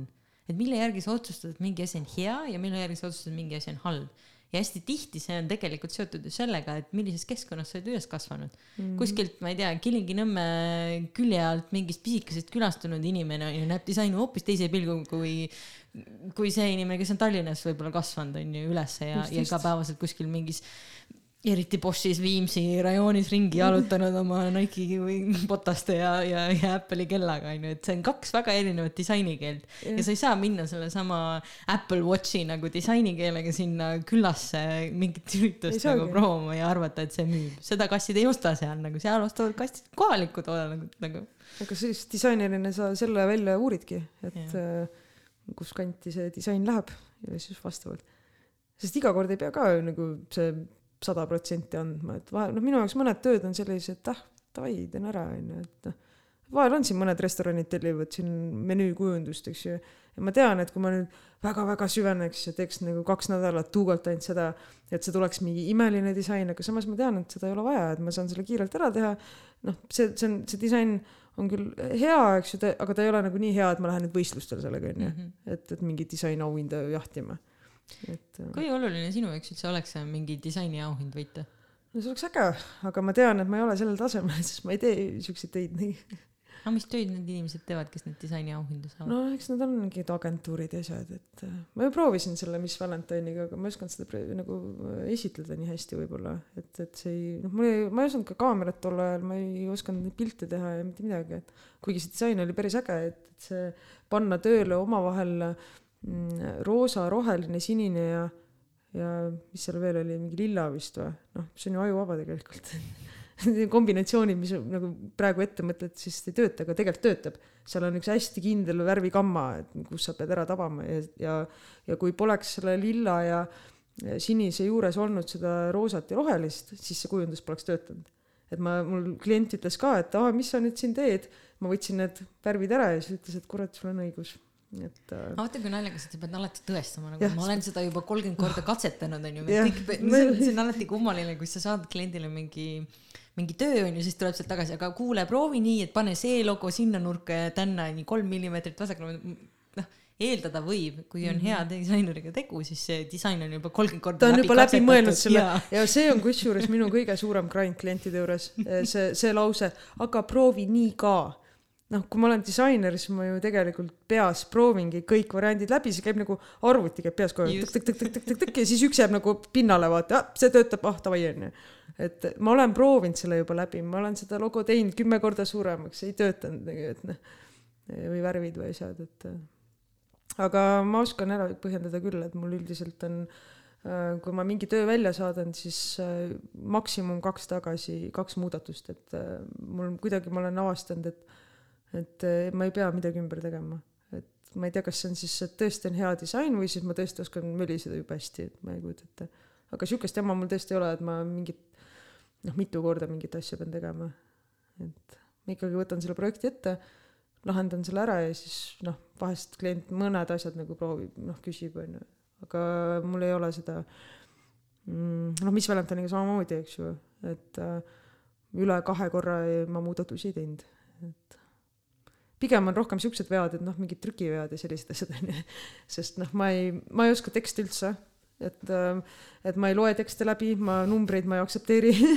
Et äh, mul on copy paste kogu aeg ja, ja vahel lihtsalt tulevad need tekstinäpukad sisse, sest et ma keskendun rohkem nagu värvidele ja, ja noh, vormidele kui, kui mina alati äh, naersin, et äh, kuna ma kujundasin ka ühte konverentsi nimega Nordic Testing Days, siis äh, ja seda ka mingi viis-kuus aastat järjest, siis ähm, minu jaoks kõige kummalisem ongi alati see, et kui ma olin terve selle konverentsi ära kujundanud siis ma mitte kunagi ei teadnud, millal see konverents toimub. Ometi, ometi nagu käivad need kuupäevad igast kujundusest läbi, need on põhimõtteliselt põhirõhk on sellel. Ja, ja nagu see ongi huvitav nagu, et kuidas me seda suudame ennast nagu disainerina nagu eraldada sellest disainist ja kujundusest, vaid me nagu jälgime kompositsiooni, värve nagu seda, mis on oluline ja siis see nii-öelda nagu mudru või ülejäänud osa. see on nii lihtsalt häma meie jaoks, me pole üldse, ma ka ei teadnud, mul ka küsiti, kunas see Valentine on, pole aimugi, oota, ma otsin onju. ise juba kolm kuud tööd teinud selle kallal, aga, aga see on pigem, ma arvan, et see on sihuke, mm, me hoiame lihtsalt oma ajumahtu kokku sellega. Sest ja inimesed mind väga vihkavad selle pärast, et ma ma ei te-, ma ei tegele numbritega.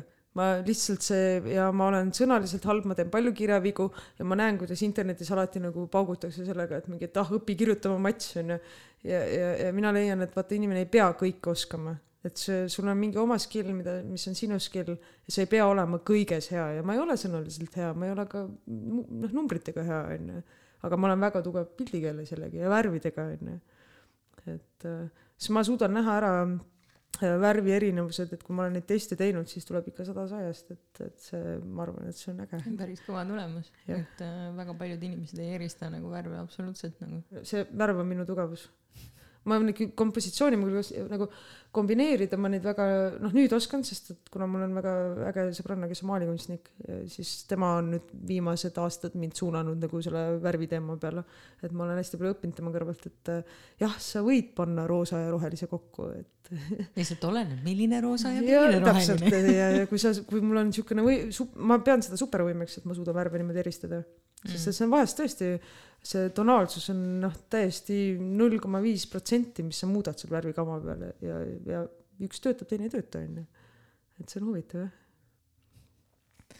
kas sul on äh, endal äh, ka mõni eeskuju disainimaailmas, keda sa, kelle töid sa võib-olla vaatad või kes sind inspireerib või keda sa jälgid, kui ähm, üldse jälgid?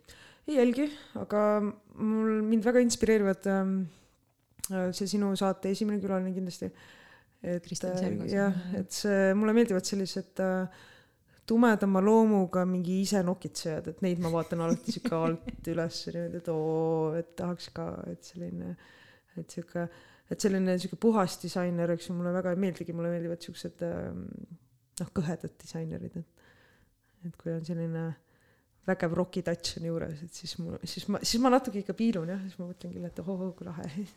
see on muidugi minule kõrvaltvaatajana tundub hästi loogiline, sest sa ise oled ka veits sihuke kõhe ja roki touch'iga ja hoopis noh, selles suhtes sama auk on ju, et, et sa ja. nagu otseselt ei muuda, et see ühesõnaga sa otsid nagu siis visuaalselt ka neid inimesi enda ümber, kes oleks sinuga sarnased mm.. no ma ei tea, kas saab nii öelda võib-olla tõesti jah ei, pigem ma noh, selles mõttes, et mulle, minu jaoks on need disainerid, kelle tooted ma ise nagu noh, mulle meeldivad hästi vähesed asjad, et ma, ma tõesti riietumisstiililt pigem kannan lihtsalt musta T-särki onju. Aga kui ma, keegi teeb siukse ägeda touch'iga särgi, eks ju, siis ma nagu kuidagi kohe nagu feel in teda, et aa, et noh, et jah, et aitäh, et sa tegid siukse asja, onju. ja siis noh, olevusartil on ju samamoodi need kõrvarõngad, asjad, et see, see, see stilist-, esteetika on lihtsalt nii noh, nagu niivõrd minu moodi, siis, siis kui ma leian sellise esteetikaga toodet, mida ma tegelikult ise tahaks teha, aga noh, ma ei tee, sest ma ei viitsi, onju, siis, siis ma neid inimesi vaatan ikkagi jah mulle tundub, et sulle imponeerib äh, väga siis inimeste julgus olla nemad ise ja nende originaalsus, see, et nad ei karda nagu näidata ennast nii, nagu nad on. Mm, ma arvan, et kõik peaks seda tegema, jah. ei, absoluutselt, ma olen sada protsenti nõus. lihtsalt äh, alati kõik võib-olla ei oska hinnata nagu seda eripära inimestes ja, ja seda nagu näha kui pigem nagu tugevat plussi või inspiratsiooniallikaid, vaid pigem vaadatakse, ah mingi weird on, onju, et äh, mis ma teen selle veidrikuga. nojaa, aga inimesi on ju niivõrd palju kunstnikke niivõrd palju, disaine on niivõrd palju, meil on, me elame ju maailmas, kus äh, me saame valida.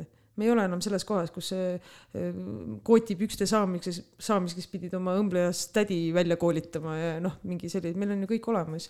mis tähendab ka seda, et meil on ka vabadus teha, mida me soovime ja leida endale sobivad disainerid ja kunstnikud nagu. et ja see annab ka vabaduse disaineritel olla nemad ise. et mis sa ikka kopeerid, jah noh, pole vaja kopeerida, võta naabrimaali, teeb sulle just, just. Tal on siin mingi oma väike kõrvaläri ja mm. see praegune töö, mis sa teed, sa ütlesid, et sul on nagu nii-öelda siis päris töö või ma, ma ei tea, kuidas sa seda nimetasid, see töö, mida sa praegu nii-öelda teed, mis sul toob su nii-öelda põhisissetulek, et sa saad seal kõrvalt teha kõike muud, onju. no mul on, äh, see töö on nagu pigem, sõnastame siis niimoodi, et töö, mis maksab mu arved ära okei kas see on töö, mida sulle meeldib teha? jaa, meeldib küll, mul on, mul on väga-väga vedanud, ma ei, kui ma räägin oma tööst, siis inimesed arvavad, et ma mõtlen välja seda jooksu pealt. miks nad nii mõtlevad? no sest mul on äh, ülemus, kes äh, päriselt ka usaldab mind, et äh, ta võttis mind sinna firmasse tööle, ütles, et näh, visuaalne asi on sinu teha ja mina, mina ei sekku sellesse et äh, aeg-ajalt ta küll vaatab midagi üle, aga üldiselt ta nagu, kui ma ütlen talle, et kuule, et teeme nii, siis ta ikkagi noh, ütleb, et jah, teeme nii. et mul ei ole seda, aga proovi nii ka, et ma ei saada mingi miljon varianti talle, et mul ei ole ülemust, ma olen lihtsalt seal firmas ja ma lihtsalt olen viimased kolm aastat nagu ise nagu arendanud, sest ma hoolin oma firmast, ma hoolin seda, kus ma töötan, kuna mind hoitakse seal firmas. ja mida rohkem mind hoitakse, seda rohkem ma hoolin sellest asjast ja kuna ma hoolin sellest nii palju, siis mul on isiklik agenda nagu, et ma tahan kogu aeg parem olla ja, ja ma teengi seda alati kogu aeg paremini, iga aasta nagu paremini. et jah. ja ei ole veel ära väsinud. mis on selle töö juures teistmoodi, kui oli eelnevate puhul ähm,?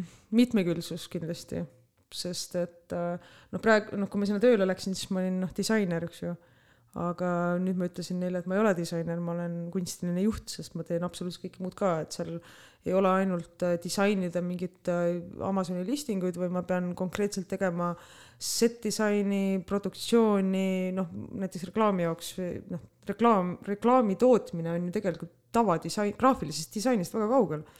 ja kui sa pead nagu kujundama ka selle, mida sa filmid, milline on see keskkond ja sa pead oskama märka, märgata, et aa, seal on see veepudel, oh seal, sul on juuksed valel pool, et, et jube palju jälgima, vaata. et see on hoopis teine töö ju ja mul mõni päev on mõni päev on tõesti nii, et istud arvuti taga, aga teine päev tuuakse sulle ämbri sees viis tšauat, et noh, ma arvan, ma arvan, et see on lahe. miks sulle ämbri sees tšauasid tuuakse? Sest mul oli vaja teha üks äh, reklaamvideo, kus ma arvasin, et oleks õudselt äge, et on viis väikest tšihuahua kutsikat ja siis papa tšihuahua räägib õuduslugu väikestele tšihuahuadele ja siis mama tšihuahua tuleb, ütleb, et hei Bob, stop in, uh, scaring the children ja siis uh, ütleme niimoodi, et saada väikest viis tšihuahua kutsikat ritta istuma ja papakoer sinna ette taskulambiga alt siukest uh, lõkkstiilis õuduslugu rääkima, vot see oli omaette triangel ja. kõlab nagu koordinatsiooniharjutus uh, ma tegin pärast ka blooper video, mis koosnes sellest, kuidas me ainult neid kutsikaid tõstame aga lihtsalt juhtus niimoodi, sest et meil tuli toode, väikestele koertele mõeldud toode ja, ja ja juhtumisi, kui ma küsisin, et noh, et hei, et kas sa saaksid oma koertega tulla, siis ta ütles, et aga mul on viis tšaua kutsikat. ja ma lihtsalt nägin nagu võimalust, et noh, kasutaks ära seda, sest kui palju, kui tihti sa saad viis tšaua kutsikat onju. ma ei tea, mulle ei käi ükski tšaua kutsikas küll, ükski klient ei too neid ämbritega ka mulle no,. kui ta kohale tuli, siis nad olid ämbri sees, nii et et see ja koertega töö üldse või loomadega töö, et see on päris lõbus, et äh, koeri pildistada ja, ja filmida, noh, kui sa filmid nagu koeri ja sa, ja sul on mingisugune jube hull nägemus, eks ju. et näiteks kui ma tegin seda äh, kaelu, noh, selle, mis ta on see äh, Elizabeth Collari videot, eks ju, ja mul on selline koer, kes on teraapiakoer ja, ja sa paned talle selle kaeluse ümber ja sa tahad videoklipi, et ta näitleks niimoodi, et tal on jube õnnetu olla, noh siis, siis, siis sa peadki mõtlema, et aga see koer oli täiesti, tal oli okk onju, et sa panid selle talle ümber, ta lihtsalt vahtis, liputas saba onju, mis tähendas minu jaoks seda, et ma pidin lihtsalt kaadri filmima niimoodi, et seda saba ei ole näha onju ja heliefektiga selle kuidagi ära nagu rikkuma. aga see, et see on nagu väljakutse, et sa, sul on see skript, sul on see selline koer, sul on selline ülesanne ja kuidas, kuidas sa teed selle nüüd siis kuidas, hästi-hästi põnev oli. kuidas sai äh, graafilisest disainist videograaf siis äkitselt? täiesti kogemata, sest et äh, see disainer tüdines ära Illustratorist ja Photoshopist ja avastas enda jaoks kaamera mingi hetk et mulle tundub üldse nagu seda juttu kuulates, et sinuga kogu aeg juhtuvad mingid asjad, et sa lihtsalt nagu juhtud äh, sisearhitektuuri minema, juhtud äh, mingisse disainibüroosse, juhtud kogemata mingisse firmasse, kus antakse sulle vabad käed, tehke mis tahate kuidas no, sellised asjad juhtuvad? ütleme niimoodi, et ma, mulle, ma mõtlesin selle peale, kui ma siia tulin, et, et sa raudselt küsid mu käest, onju, et, et kuidas just disaineru asi sai, onju, siis ma ütleks selle kohta, et elu ise vormib. et kui sa, kui sa lubad, et ma teen ainult neid asju, mis mulle päriselt meeldivad noh, selles mõttes, et mulle ei meeldi näiteks, no ma teen praegu neid kassigraafi kleepse, eks ju, ja, ja see on kohutav, et mul on nagu sõbranna küsib kogu aeg, et no kunas need valmis saavad, aga mul on niimoodi, et noh kui mul on tuju, siis ma teen ja kui sul on tuju midagi teha, siis, siis sa oled nii haaratud, see nagu see, see haarab sind, sa tahadki seda just teha. et kui sul ei ole seda kuklas kella, et sa pead tegema, pead tegema, sa nagu ah, ma täna ei viitsi, no hea küll, ma sunnin ennast, eks ju.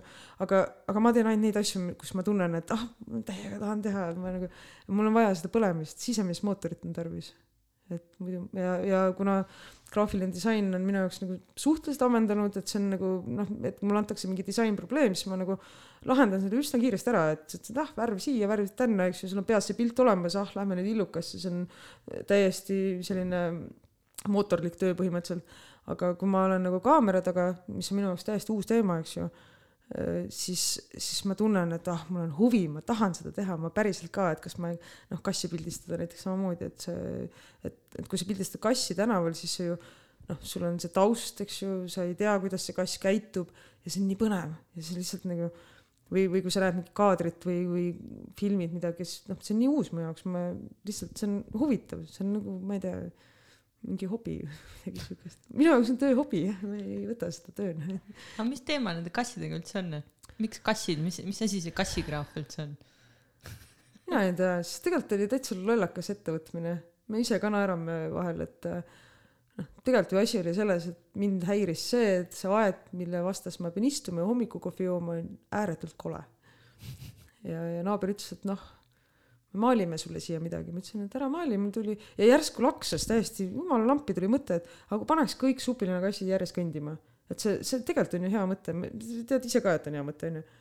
ja, ja selleks, et neid kasse saada, siis ma läksin neid pildistama, sest mulle kassid meeldivad sellepärast, et äh, ma töötan koertega ja mis tähendab seda, et ma töötan loomadega. Ja, ja kui sa nagu töötad loomadega, siis sa saad aru, kui ägedad nad on. et ja kassid ka samamoodi on hästi ägedad. et näiteks meie ei tee koerafotosid niimoodi nagu noh, Shutterstockis on täiesti võimatu leida häid kassipilte, sest et äh, kassi nägu on alati hirmul, kui sa oled kaameraga tees. ja näiteks koerafotosid tehakse alati niimoodi, et näidatakse seda maiust ja seda, et see koer vaatab maiust, seda on näha tegelikult mm. -hmm. et meie tavaliselt on niimoodi, et me paneme toote koerale külge, siis äh, omanik seisab oma koeraga ja siis me lihtsalt passime ja siis, kui mingi rattur sõidab mööda, siis koer noh, jääb hoopis teise pilguga vaatama, siis ma karjun fotograafile, noh, lase nüüd, lase nüüd, lase nüüd et see, et inimesed võiksid mõista, et eh, loomadel on tegelikult pilgust näha seda asja ja seda tajub inimene ka. et eh, ja seepärast mind see kassifotograafia väga-väga köidab, et eh, kassigraafi üks tingimus on see, et kass vaatab kaamerasse, eks ju aga tead, kui raske on saada kassi kaamerasse vaatama ja nii, et ilus foto ka tuleks, onju. sest see taust on sulle võõras, sa oled uues situatsioonis, sa ei tea, kas see kass jookseb ära või mitte. ja samas tahaks ju head fotot, onju. aga kuidas see kassigraafiks olemine siis käib, et põhimõtteliselt käid lihtsalt äh, suvaliselt ringi ja siis, kui kuskil need kassi istud maha põõsasse ja hakkad ootama või? uh,. sa näed kassi kõigepealt ja siis mm. mul on ise, mul on isegi kassigraafi kõnnak. jah, et uh, mul on uh, noh, tegelikult ma tahaks pikemat turu, mul on kaheksateist sada viis, et uh, ja sa hakkad juba eemalt pihta. et suumiga kõigepealt vaatad, ahah, kass on ju, siis teed jälle, kükitad, sest kassi tasandile tuleb minna, sa ei saa head kassifotot, kui sa teed seda püsti. ja, ja, ja siis võtad kolm sammu, vaatad, ahah, ei, ei lähe veel ära, teed uue pildi, siis lähed kolm sammu lähemale, teed uue pildi lähed veel lähemale ja siis lähedki nii lähedale, kui saad, et aga sa kunagi ei tea, kui lähedale sa saad selle kassiga, et jah. ma, ma ei oska seda seletada, seda, seda pead nägema, sest et ma ikkagi võtan iga kassiga, keda ma kohtan, ma võtan ikkagi oma aja. et äh, üritan sellele kassile nagu tekitada sellise tunde, et hei, it's okei okay., aga ma arvan, et ma olen salamisi kassilausuja ka, nii et sest ma saan päris paljude kassidega läbi kas see on sinu jaoks siis nagu omal moel nagu mingi veider meditatsioon läbi fotoaparaadi kassidega suhelda võib-olla tõesti. ja ma mõtlen, et ma olen võib-olla crazy cat lady, aga, aga nagu teistmoodi veidi. no crazy cat lady tavaliselt on siis see, kellel on üheksa klassi või noh, rohkemgi kui üheksa klassi. sul on minu teada ainult üks. mul on üks, aga ta on väga suur no tervet korterit ta ikka ei täida. noh, jah ehm, no kassipidamine on ikka, mitme kassi pidamine on loomapidamine. kui sul on kaks kassi, siis sul võib olema kolm liivakasti ja ma olen jube laisk onju. pluss ma olen minimalistlik eh, inimene, mulle ei meeldi eh, esemed ja mööbel korteris, et eh, et kui mul peaks olema kolm liivakasti korteris, siis ma ei tunne ennast enam hästi. et ma lepin sellega, et mul on üks kass aga jah, ei, kui ma kohtan uut kassi ja kuna ma olen avastanud, et kõigil oma iseloom siis ma juba juba satun nagu hasarti, et aa, milline kass see on, et, et ja ma saan seal kassigraafis ka ise loo juurde mõelda, et kui ma neid uurikasse pildistasin, siis üks oli modellkass, teine oli metsakass ja kolmas oli siis nagu mõisnikkass, eks ju. sest noh, nad nägid välja sellised ja see on päris lõbus on kas kunagi tuleb kassigraafi mingi raamat ka, kus on kõik need kassid, kellest sa pilti oled teinud ja nende pisikesed lood äh, juures äh,? Mm, kassigraafile endale võib-olla päris ei tule, aga selle supilina aia peale tuleb küll jah, et see me tahame teha ka T-särgid, asjad, aga me ei saa enne T-särki teha, sest T-särgi disainis on need laused ka sinna kirjutatud, et kus me kohtasime kasse ja, või noh, iga kassiga on oma lugu, et ma võin nagu kõik need kolmkümmend kaheksa kassi, kes meil sinna aia peale mallitud on, kõigi nende kohta on lugu, et kuskilt nad on, noh, mis ma tundsin, kuidas see juhtus, kuidas ma sain selle pildi. ja siis äh, meile juba jah, et meil on äh, kontakt, et me saaksime Vikipeediasse teha selle näituse ikkagi. pluss me tahame teha, teha ka fundraiser'it, et saaks trükkida selle raamatu. et äh, noh, see aiapilt ja siis kassifoto juures nagu ja lugu ka kindlasti. hästi põnev, mis, mis valu sul nende kasside või üldse loomadega on, et sa nagu armastad kõiki loomi siis või? no see on pigem see hetk, et ma tajusin enda kassi puhul, et ta on ju väike hing see on ju tegelikult ju noh, mina kakerdan ringi, ajan siin oma asja, temal on teised asjad, onju, aga ta on samasugune. kui ta ikkagi tuleb siiralt minu juurde ja viskab kaisu, vaatab mulle suurte silmadega otsa, kuigi ta on söönud juba, onju, ja ta ei nuru süüa, kusjuures ta ei nuru süüa, tal on kauss täis, tal on kõik, ta tuleb lihtsalt sellepärast, et ta tahab tulla sulle kaisu. siis ma leian, et see on ju imeline, see on ju täiesti uskumatu sündmus ju. ma ei tea, minu jaoks loomad on natuke teistsugused jah. et eks ma jah ma kasutan seda ära nüüd hoolega ei no absoluutselt, kui sa oled leidnud midagi, mille suhtes sa oled vaata kirglikult meelestatud, see on ju samamoodi nagu disaini nagu videograafia ja kõige muuga. ei no ma tahaks küll, ma tahaks kindlasti saada kassifotograafiks kunagi. et see nagu kõikidest ametitest, mis sa elus pead tegema, pildistada kasse päevast päeva, ma arvan, et see on ju fantastiline ma olen kindel, et kuskil on inimesi, kes arvaks, et see on maailma kõige halvem töökoht, mida üldse võiks ette kujutada. aga, aga sinu nägu praegu vaadates, on põhimõtteliselt jaa, see on miljon dollari töö no miks mitte. see on see, mida sa teeksid äh, iga päev, ilma et äh, keegi üldse paluks sul teha, kui sa peaksid tasuta tegema, teeksid sa seda ka? ma teen seda praegugi tasuta, nii et ma üritan sellest, äh, sellest teenida, aga ma praegu ei ole veel nii hea. ma, esiteks ma ei ole fotograafias nii hea et äh, ma arvan, et üks aasta aega läheb veel aega, enne kui ma kaamerat tõesti noh, niimoodi sujuvalt oskan kasutada, et sa hästi palju räägid sellest, et ma ei ole piisavalt hea, sa rääkisid seda siis, kui sa rääkisid disainis, sa rääkisid seda siis, kui sa rääkisid sisearhitektuurist, sa rääkisid siis, kui sa videosid teed. et mulle tundub nagu, et see sinu enda nagu sisemine kriitika on äh, üpriski häälekas sinu sees, kes kogu aeg nagu nõuab, et sa oleksid veel parem, veel parem, veel parem, et nagu kas sa ise ka mingi hetk aru saad, millal on see hetk, millal sa tunned ennast nagu hästi, et nüüd ma võin öelda, et jah, nüüd ma olen disainer või nüüd ma olen videograaf? no pigem on nagu see, et ma austan kõiki teisi inimesi, kes on käinud koolis ja õppinud seda asja ja, ja on väga palju tööd näinud just kaameraga või disainis, aga mina olen ise õppinud, ma ei ole ju, tegelikult ma ei ole ju disaini õppinud. aga miks see halvem on siis, kui on keegi, kes on disaini õppinud kellegi teise käest? sest tegelikult, kui sa ikkagi asju õpid, siis sa tead ju palju rohkem, onju. et sa nagu, seal on noh, mingi, no sama nagu sa ütlesid, et kas, kas sa saad hakka, hakata sisearhitektiks, onju, et noh, et kui ma räägin, räägin siseinimesega, kes on enda korteri ära remontinud versus minu teadmised, siis ma vaatan talle peale, et kuule, ei, onju. aga samas äkki seesama inimene teeb veel kaks korterit, onju, ja ütleb, et ta on sisearhitekt järsku mina teen ju täpselt sama asja, et, et, et on mingi professionaal, kes teeb fotosid, ta teab täpselt, kuidas neid asju teha ja siis olen mina, kes arvab, et äh, ja, ja siis teeb aasta aega fotosid ja noh, nüüd ma olen fotograaf onju, et noh. aga miks see võiks olla? ma ei tea miks, miks on vaja, kas sul on vaja mingit paberit, et tõestada, et sa oled nagu päris? no tuleb välja, et ei ole, sest et ma ei oleks kümme aastat disainer juba onju. milleni ma tahtsingi jõuda onju, et, et see just see nagu see tunnetus, et nagu, et nüüd ma olen valmis või nüüd ma olen nagu päris disainer või nüüd ma olen nagu päris fotograaf, sest mul on mingi paber, mis tõestab seda, siis ma julgen küll kõva häälega öelda, et mitte kõik disaini lõpetanud disainerid ei, ei ole disainerid. ei, ma tänase päeva seisuga ütlen kindlasti, et ma olen disainer ja ma veel kusjuures julgen nii hästi öelda, et ma olen hea disainer et äh, taon küll rusikaga vastu rindu. aga fotograafias ma olen natuke ebakindel, sellepärast ma, ma olen väga vähe tegelenud sellega ja videograafi, videograafina ka ma olen seda väga vähe teinud. et äh, kui ma oma esimese muusikavideo tegin, mis oli ääretult raske, sest see oli neli koma viis minutit rokilugu storyline'iga, äh, siis äh, jah, see ei ole väga hea asi, millest alustada ja kui ma praegu seda videot vaatan, siis ma saan kohe aru, et aa, sul seal kimbal värises ja ei olnud vist väga paigal onju, et aa, seal sa tegid seda, et on väga kohmakas aga samas, kui ma poleks seda teinud, siis ma ei saaks ka järgmist teha, videot teha paremini. jaa, absoluutselt ja sa saaks ka tagasi minna ja, ja öelda, kuule, sul siin see timbal oli valesti. ja kui keegi ütleb, vaatab seda videot, ütleb, et kuule, et nii halvasti teed, et miks sa tegid seda asja, onju, siis ma ütlen talle selle peale, et no aga tee siis ise, et noh, palun, et siin on vahendid, hakka, hakka pihta, sest mina tegin seda sellepärast, et ma tahtsin õppida lihtsalt. et nagu järgmine kord tuleb paremini, onju. Üldse nagu palju arvatakse igasuguseid asju ja. inimeste kohta, kes äh, vähegi nagu üritavad midagi uut teha, aga arvestades seda, et, et sa võtsid lihtsalt julguse eh, nii-öelda läbi kukkuda, juhul kui see peaks juhtuma, onju, on see juba nagu väga julge ettevõtmine olnud, et äh, mina ise nagu alati mõtlen, et loovad inimesed ongi väga julged, et nad julgevad nagu neid riske võtta mm., see risk, et keegi tuleb kõrvalt ja ütleb, kuule, see ei ole nii hea, kui mina teeksin aga kas see üldse on oluline, sellepärast et tol hetkel tegelikult ei ole, eks ju. No., tegelikult ei ole üldse oluline, et äh, mina, noh, inimesed teevad kõiki erinevaid asju. Ja, ja noh, ma ei, ma ei ole nagu näiteks, kui ma olen näiteks kuskil üritusel ja ma kuulen, kuidas DJ paneb mingi biidi valesti, noh, ma ei lähe talle õla peale koputama, ma ei lähe ka sõbrale ütlema, et vaata see DJ on ju, sest ma ei tea ju, mis selle inimese elus toimub, võib-olla ta tõesti teeb seda esimest korda, ta on võtnud julguse kokku, ta on läinud tegema seda on ju, ja ma hindan seda, tehke kasvõi valesti, aga asi on selles, et palun tehke, mis teile meeldib. tehke südamega. tehke südamega jah, ja küll ta tuleb, sest kui su süda kutsub mingi asja poole, siis sa hakkad seda niikuinii tegema.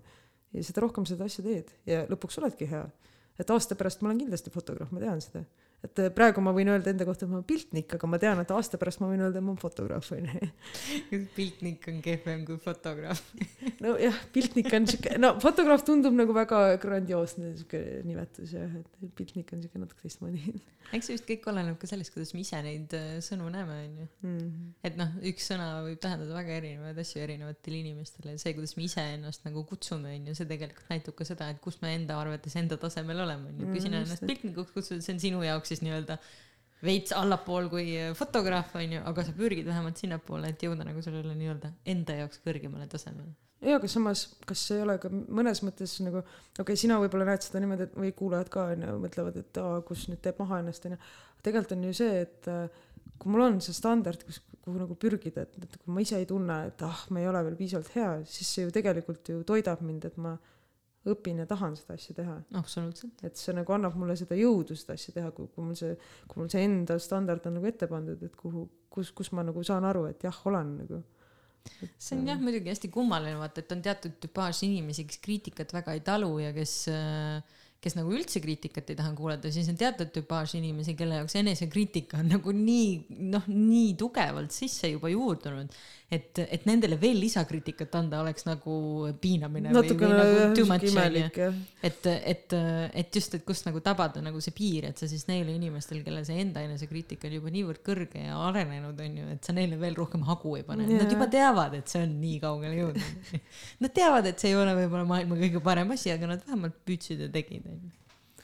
noh, ega mind tegelikult ei huvita ka väga, sest et äh, ei no, sest päriselt ka ei huvita, mida inimesed nagu arvavad, et äh, noh, mulle õudselt meeldib see, et, ähm, et nagu noh, näiteks kassigraafiga oli samamoodi, et kui ma näitust maha võtsin, et siis ma kuulsin poole kõrvaga, kus keegi ütles, et näe, ise hakanud kassigraafi. ma vaatasin seda, kuulsin seda ja siis mõtlesin ja oli küll, torkas hinge ikka kõvasti ja tuli see alaväärsuskompleks peale, et no jah, mis õigus mul on öelda, et ma kassigraaf onju aga tegelikult on, sellepärast et ma mõtlesin selle ameti välja ja tähendab, ma ei mõtle, et mu sõbranna ütles mulle, et kuule, et sa kassigraaf onju. ja siis ma mõtlesin, et nojah, aga tema, see inimene, kes niimoodi ütles, nagu hakka siis kah kassigraafiks, kurat, kes, kes keelab sind nagu, et, et kuidas sul, kuidas lähed üldse teise, ma teen sulle näituse, ma teen sulle kõik asjad ära ja sa tuled, ütled mulle halvasti. see tähendab seda, et, et nagu sellel inimesel on endal probleem, mitte minul mm, -hmm. sest mina teen ju seda, mis mulle meeldib, eks ju. Et äh, jah sest tegelikult äh, inimesed, kes kritiseerivad teisi, on need inimesed, kellel on endal probleem, et äh, sest õnnelik inimene ei kritiseeri teisi inimesi, vaid äh, lihtsalt räägib asjast onju. jah, kritiseerib tihtilugu pigem see, kellel on endal midagi puudu onju või just. tahab midagi sama saada, tahab saavutada sedasama tunnet. kadedus vaata jah. kadedus jah, tahaks, et oleks ja. rohkem märgatud just, või tähele pandud või. siis lähed kritiseerima ja mölisema teistega. õnnelik inimene on ju õnnelik inimene, õnnelik inimene teeb oma asju mis su äh, lemmiktemaatika fotograafias äh, üldse on? on sul üldse sellist asja? on küll jah. nii, mida sa pildistad tavaliselt? Sotsiaalmodernistlikke maju. What? okei proovi uuesti, nii et äh, tavainimesed ka aru saavad mm,. ütleme nii, et Lasnamägi on väga kirstordil minu jaoks palun üks Lasnamägi meile. mulle meeldivad need vanad majad ja robustsus ja ma päriselt ka nagu praegu järgmine reis, mis ma planeerin, on võtta ratas ja kaamera ja minna Riiga ja pildistada seal seda vana linnaosa, kus on, sest, sest see, ähm, see muster, mis on nendes, nendes magalamajades, see on tegelikult, kui sa seda õudselt hästi oskad töö, pildi peal tööle panna, siis see on nii ilus nii. et, et minu jaoks, noh, ma olen, ma olen reaalselt veetnud, nagu läksin Lasnamäele ja ma kaheksa tundi kõndisin kaameraga ringi, ma sain nii palju fotosid, ma olin nii sillas, see oli nagu, ah oh,, see oli nii lahe lihtsalt sest Lasnamägi tegelikult on hästi äge, isa ütles küll, et mis sa siis Lasnamäes pildistad, vaata kui kole see on, ma ütlesin ei ole, ei ole, lase nüüd vaata. no see on jälle see, et, et sul on mingi oma, oma vaade või oma silm, läbi mille sa näed nagu seda maailma ja sa põhimõtteliselt üritad seda siis tõlkida sama ilusalt ka teistele inimestele pildi peale. no ma arvan, et see on see koht, kus nüüd tuleb öelda, et see on kunst jaa ja., no see teeb ka fotograafi ja fotograafi fotograafiks nii-öelda, et sa võid iga, igaüks, kellel on kaamera, ei ole fotograaf. ei, kindlasti no., kõigil on kaamera kõik, kes käivad mobiilidega ringi tänapäeval, on fotograafid. see on, see on kusjuures jube naljakas, et inimesed teevad nagu teevad teis, teisest inimesest pilti ka, telefonikaameraga, eks ju, ja ütlevad, et vaata, kui terav ilus foto onju. ja ma ütlen selle peale, et jah, aga parema portree saad sa siis, kui sul on viiskümmend millimeetrit objektiiv, see ei ole vaieldav asi, see on fakt onju et äh, sest telefonis on sul automatiseeritud see asi, et siis äh, tekibki küsimus, et kas fotograaf on see, kes teab seda, et sul on viiskümmend millimeetrit objektiivi vaja või see, kes lihtsalt teeb pilti onju, et noh. kuidas sa ise seda näed? ma ise näen seda niimoodi, et kui sul on ikkagi, kui sa fotot teed, siis sa märkad seda, et sul on plastpudel kaadris, sul on ja sa eemaldad kõik häirivad elemendid ja sa ja, ja sa näed seda fotot nagu, sa tead, kuidas see tööle panna, eks ju, et äh, et äh, mul on nagu hästi tihti, kui ma nagu üritusi pildistan või inimesi, siis see foto võib-olla tehniliselt ei olegi nii hea, sest ta ei ole terav võib-olla või noh, nii terav, kui ma tahaks, et oleks. aga, aga ma teen hästi kavalalt, mul on sellel kaks värvi, see poos ja emotsioon ja siuksed asjad, vaata. et ähm, fotograaf on see, kes suudab selle, selle foto panna niimoodi, et sa vaatad seda fotot ja sa tunned sees, et jah, see on hea. aga see noh seda tunnet, see jah, see on hea, on ju, see on nii subjektiivne, inimestel on nii erinev vaade nendele Aha, piltidele ka. siin ongi see asi, et ma tean täpselt, kuidas seda tunnet tekitada kõikides mm., jah, see on, see on mu salarelv kas sa oled kunagi mõelnud ka, et äkki lähed fotograafiat õppima? uh,. mulle ei meeldi koolis käia. no nii, nüüd me jõudsime lõpuks selleni, miks ma sulle ei meeldi koolis saa, ma käia? ei viitsi, ma olen, mulle ei meeldi, ma üritan enda elust eemaldada kõik sellised asjad, mis on nagu, sa pead olema see kellaaeg seal. mul on nagu niimoodi, et kui ma, kui ma tean, et ma pean kell kuus saama kellegagi kokku, siis mul, mul on terve päev rikutud, mul on nagu, kas ma peaks kell kolm juba valmistuma hakkama, kas ma ja, ja ma ei saa, sest noh, ja kool on minu jaoks täiesti kohutav, sest ma pean minema mingisse loengusse tegema, pluss ma pean õppima ja tegelema, mulle meeldib ja ma pean õppima siukseid asju, mis, mis nagu nemad mulle ette kirjutavad, et äh, mina juhindun ju sellest, et oh, mind huvitab videograafia ja ma võin vaadata Youtube'is kümme videot selle kohta, kuidas saada kõige paremat valgust, onju. aga noh, jah. nüüd ma tunnen ühest küljest, ma pean äh, vabandama, et ma sulle täna selle pinge peale panin, et sa pidid kell kuus kindlasti ühes kohas olema. ja siis ütlen ma lisaks sellele, et äh, mulle tundub, et sulle sobiks kõige paremini õhinapõhine õpe. jah, õhine, põhine, see vist see on täpselt see või vajaduspõhine. see on jah, aga ma ei, vaata, kui ma olen õppinud juba vahe- vahepeal kaks ametit juurde, siis ma ei näe, mul, minu jaoks ei ole põhjendatud see kooli minek enam mm. -hmm. sest kui ma olen siiamaani hakkama saanud, siis miks ma peaks kooli minema? jah, mis see sulle annaks, jah et ma, mis asja on ju, et äh, kas poleks tore, kui saaks kuidagi niimoodi kooli minna, et sa ise nagu panedki endale õppekava kokku, ütled, ma tahan seda, seda ja seda õppida ja ma tahan seda õppida siis, kui mulle mugav on. siis, kui ma tunnen huvi aga selle see on vastu. ikkagi kohustus, see on ju ikkagi nagu noh. aga kas ei saa öelda siis, et see, mida sa praegu juba teed, et see, et sa vaatadki vahepeal Youtube'ist kümme videot suvalisel ajahetkel, kui sul seda vaja on, see ongi tegelikult sinu kool juba. jah, see on mu enda tehtud ülikoolist Jah. noh ma tahan lihtsalt väga-väga iseseisev olla, et me jah, et me nagu kuigi jah, see on väga vale öelda, et ma tahan iseseisev olla, sest et ma ju saaksin teha oma firma onju, aga ma ei taha teha firmat, et noh, mis nagu, mis sind takistab või mi- miks sa ei taha, mis sul ah, on ettevõtluse vastu? no siis sa pead seda majandusaruandit tegema ja noh, mingit välja mõtlema mingeid probleeme endale, ma ei tea, ma selle jaoks on raamatupidajad. nojah, pigem on ju see, et noh, ma elan ju oma elu täpselt niimoodi, et nagu näiteks kui inimesed küsivad mu käest, et noh, et mis sa järgmine nädal teed, onju, kolmapäeval näiteks, onju, ma, ma tõesti ei tea, sest et ma ärkan hommikul ülesse ja siis ma mõtlen, oh, mis ma nüüd täna teen, onju. kuhu, kuhu, kuhu mind see laine viib, mis tuju mul on, vahest ma ärkan esmaspäeval üles, mul on nii halb tuju, ma ei taha kedagi näha. ma lülitan telefoniga välja, ma istungi, tellin Woltist purksi, panen mingi sarja käima kaksteist tundi järjest täiesti vabalt, mitte mingit probleemi kuidas. see tööandja sellesse suhtub? ei no, no mul on suhteliselt vaba tööaeg, nii et peaasi, et töö on tehtud, see on Jah, siis see põhiline, selline töö on nagu väga Just. hea töökoht, kus, kus käia ka. ja ei, mul on see töökoht on natukene veider jah. aga see on heas mõttes veider, nagu ma aru saan, siis see on äh, täpselt ideaalne sinu sorti siis tüüpidele või tüpaažidele, kes ei taha nagu olla kammitsetud Jah. sellest igapäevaelu rutiinist, kelle elu ongi natukene ootamatusi täis mm. -hmm. ja see sobib. See annab mulle, selline töökoht annab mulle vabaduse sedasi elada, ma tean, et tegelikult peaks olema, noh, ma ei, ma olen ka olnud nagu töökütkes ja värki, aga, aga ma arvan, et nagu miks ma kunagi ei kurda elus asjade üle, on sellepärast, et ma olen niivõrd tänulik selle üle, et mul on niisugune töö ja, ja kui ma kurdaks midagi, siis see on lihtsalt äh, tänamatus. ma ei saa seda teha lihtsalt. et äh, ma leian, et mul, mul on ääretult palju vedanud, ma ei tea, ma ei tea, miks küll, aga jah, ma saan teha oma tööd, mida ma armastan, pluss mul on nii palju vabadust, et ma saan ka teha nagu loometööd onju, et äh, noh, ma olen lihtsalt, ma ei tea, lucky bitch I guess.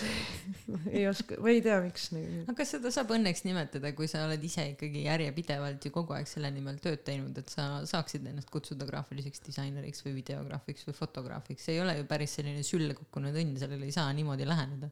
Aga minu jaoks on, sest ma pole kunagi tundnud elus, et ma olen vaeva näinud. sa ei ole tundnud seda lihtsalt sellepärast, et sa oled alati teinud asju, mida sulle meeldib teha. no just, noh, siis see mina ei näe, et ma nagu, ma päriselt ka, ma ei tunne, et ma oleks vaeva näinud, mul on, mul on kogu aeg siuke tunne, et mulle lihtsalt ulatatakse mingeid asju ja ma tunnen natukene piinlikkust juba, sest et nagu ei, mis asja onju.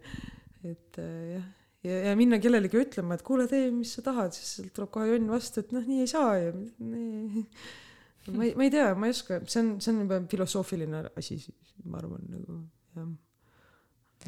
kui äh, mõni ähm, noor äh, loov inimene sinu poole praegu pöörduks ja ütleks, Helen, kuidas ma saan sellise elu nagu sul on, mis sa talle ütleksid? mm,. ma ütleksin talle, et pane ego kõrvale mm,. oled nagu tänulik võimaluste üle. et niisugune äh, suhtumine, et mina, mina, mina tean paremini, et see ei, see ei tööta. Et äh, lihtsalt ole nagu tänulik, kui see, kui sulle antakse võimalus midagi teha, siis lihtsalt mine kaasa sellega, ära karda, ära karda jumala eest nagu seda hirmu, et mingi, ah oh, ma ei saanud hakkama, issand jumal. Äh,, vahet ei ole, küll sa ära mõtled nagu et see, isegi kui sa teed kehva töö, siis klient ütleb sulle, et nagu, et noh, kuule, see on natuke kehv onju, siis sa teed natuke paremini, siis sa ju näed, et noh, kuule, aa, nii saab ka onju, siis sa võid kokku ennast onju. ühesõnaga kuula lihtsalt äh, inimeste tagasisidet, mida sulle räägitakse. no aga ja. kui äkki klient ei tea, kui satub selline nõme klient, vaata, kes äh, vingub niikuinii kõige üle. no siis sa kirjutad talle, et vabandust, mul ei ole aega teiega tegeleda iga klient ei ole ka, sa ei pea neid hoidma noh, kulla peal onju et see julgus ka, et mul on see suvi on küll mitu korda juhtunud, nagu sa ise ka tead, kus ma olen mõned tööd saatnud nagu pikalt, sest et ma väga austan oma vaba aega. kui ma istun ikkagi enamus ajast arvuti taga ja meil on mingid võrratud kolmekümnekraadised ilmad, siis noh, tõesti, ma ei ole nõus, vabandust nagu, et noh. no põhimõtteliselt, et kõik üle, kõik tööd, mis sinu juurde nagu jõuavad, need ei ole nagu see, et sa pead selle ära tegema et kui sulle tõesti ei meeldi, kui ma, ma, kui ma selle videoprojektiga tööle hakkasin, ma nagu tegelikult pettusin suhteliselt esimeste juba vestluste jooksul, sest et noh, see töö ei olnud päris see, mis oli välja reklaamitud. ja ma tundsin, kuidas ma, ma ei taha seda teha, see oli mul kohustus kaelas, ma nagu tundsin, et see nagu veab mind alla ja tegelikult, kui see asi nagu ära tühistati, siis mul oli väga hea meel. No mis ongi vaata see sisetunne nagu üldjuhul ei valeta onju et sa ikkagi tunnetad ära need projektid enda jaoks nagu mis on see nagu mis paneb põlema onju ja mis on see nagu, mis tekitab täpselt seda siukest mm. ängi, et oh. oh ei taha onju nagu, et selle, et me tegelikult ei ela ju selleks, et nagu tegeleda nende projektidega. kas sul ei, sa, see ei tee sinust halvemat disainerit, kui sa mingit, mingit tüüpi tööd ei taha teha, onju. absoluutselt mitte, kõigil on äh, nii-öelda õigus valida ükskõik, mis tööd sa teed, onju. tegelikult, tegelikult kõik kehtib iga ametikoha kohta. me kõik võime jah. ütelda ei mingitele asjadele, onju, mis ületavad meie piire või ei vasta nagu meie ootustele ja kui sa vahepeal pead tegema sellist tööd, mis ei ole päris sinu, siis sa tead nagu seda, et elu on pidevas muutumises, et küll see üle läheb, onju. et ma olen ju ka töötanud noh, catering'is, eks ju, et, et samamoodi, mis ma seal catering'is nüüd nutan ja kurdan selle üle, et oo oh no ma pean nii rasket tööd tegema, vaid ei, ma praegu tegelen siis sellega, küll see läbi saab, et noh, lihtsalt juhtus nii, küll, küll need võimalused, noh sest elu annab kogu aeg võimalusi.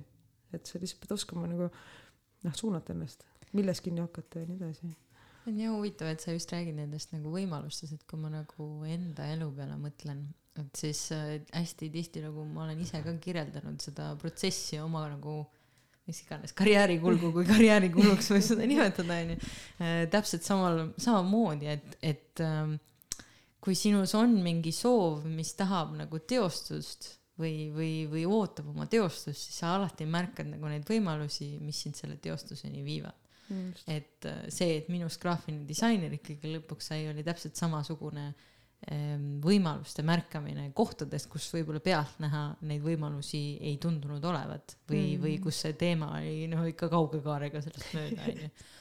et, et see on jah nagu kummaline, et minu arust äh, inimeste puhul, kes räägivad, et ma ei saa midagi teha äh, et noh, keegi noh, mul ei ole ju võimalust onju, noh siis ongi see, et sa kas mõtle välja või, või, või nagu märka no see on näiteks see, et kuidas, kuidas ma tegin oma esimese muusikavideo, et ma ei istunud ja ootanud, et keegi ulataks mulle võimaluse.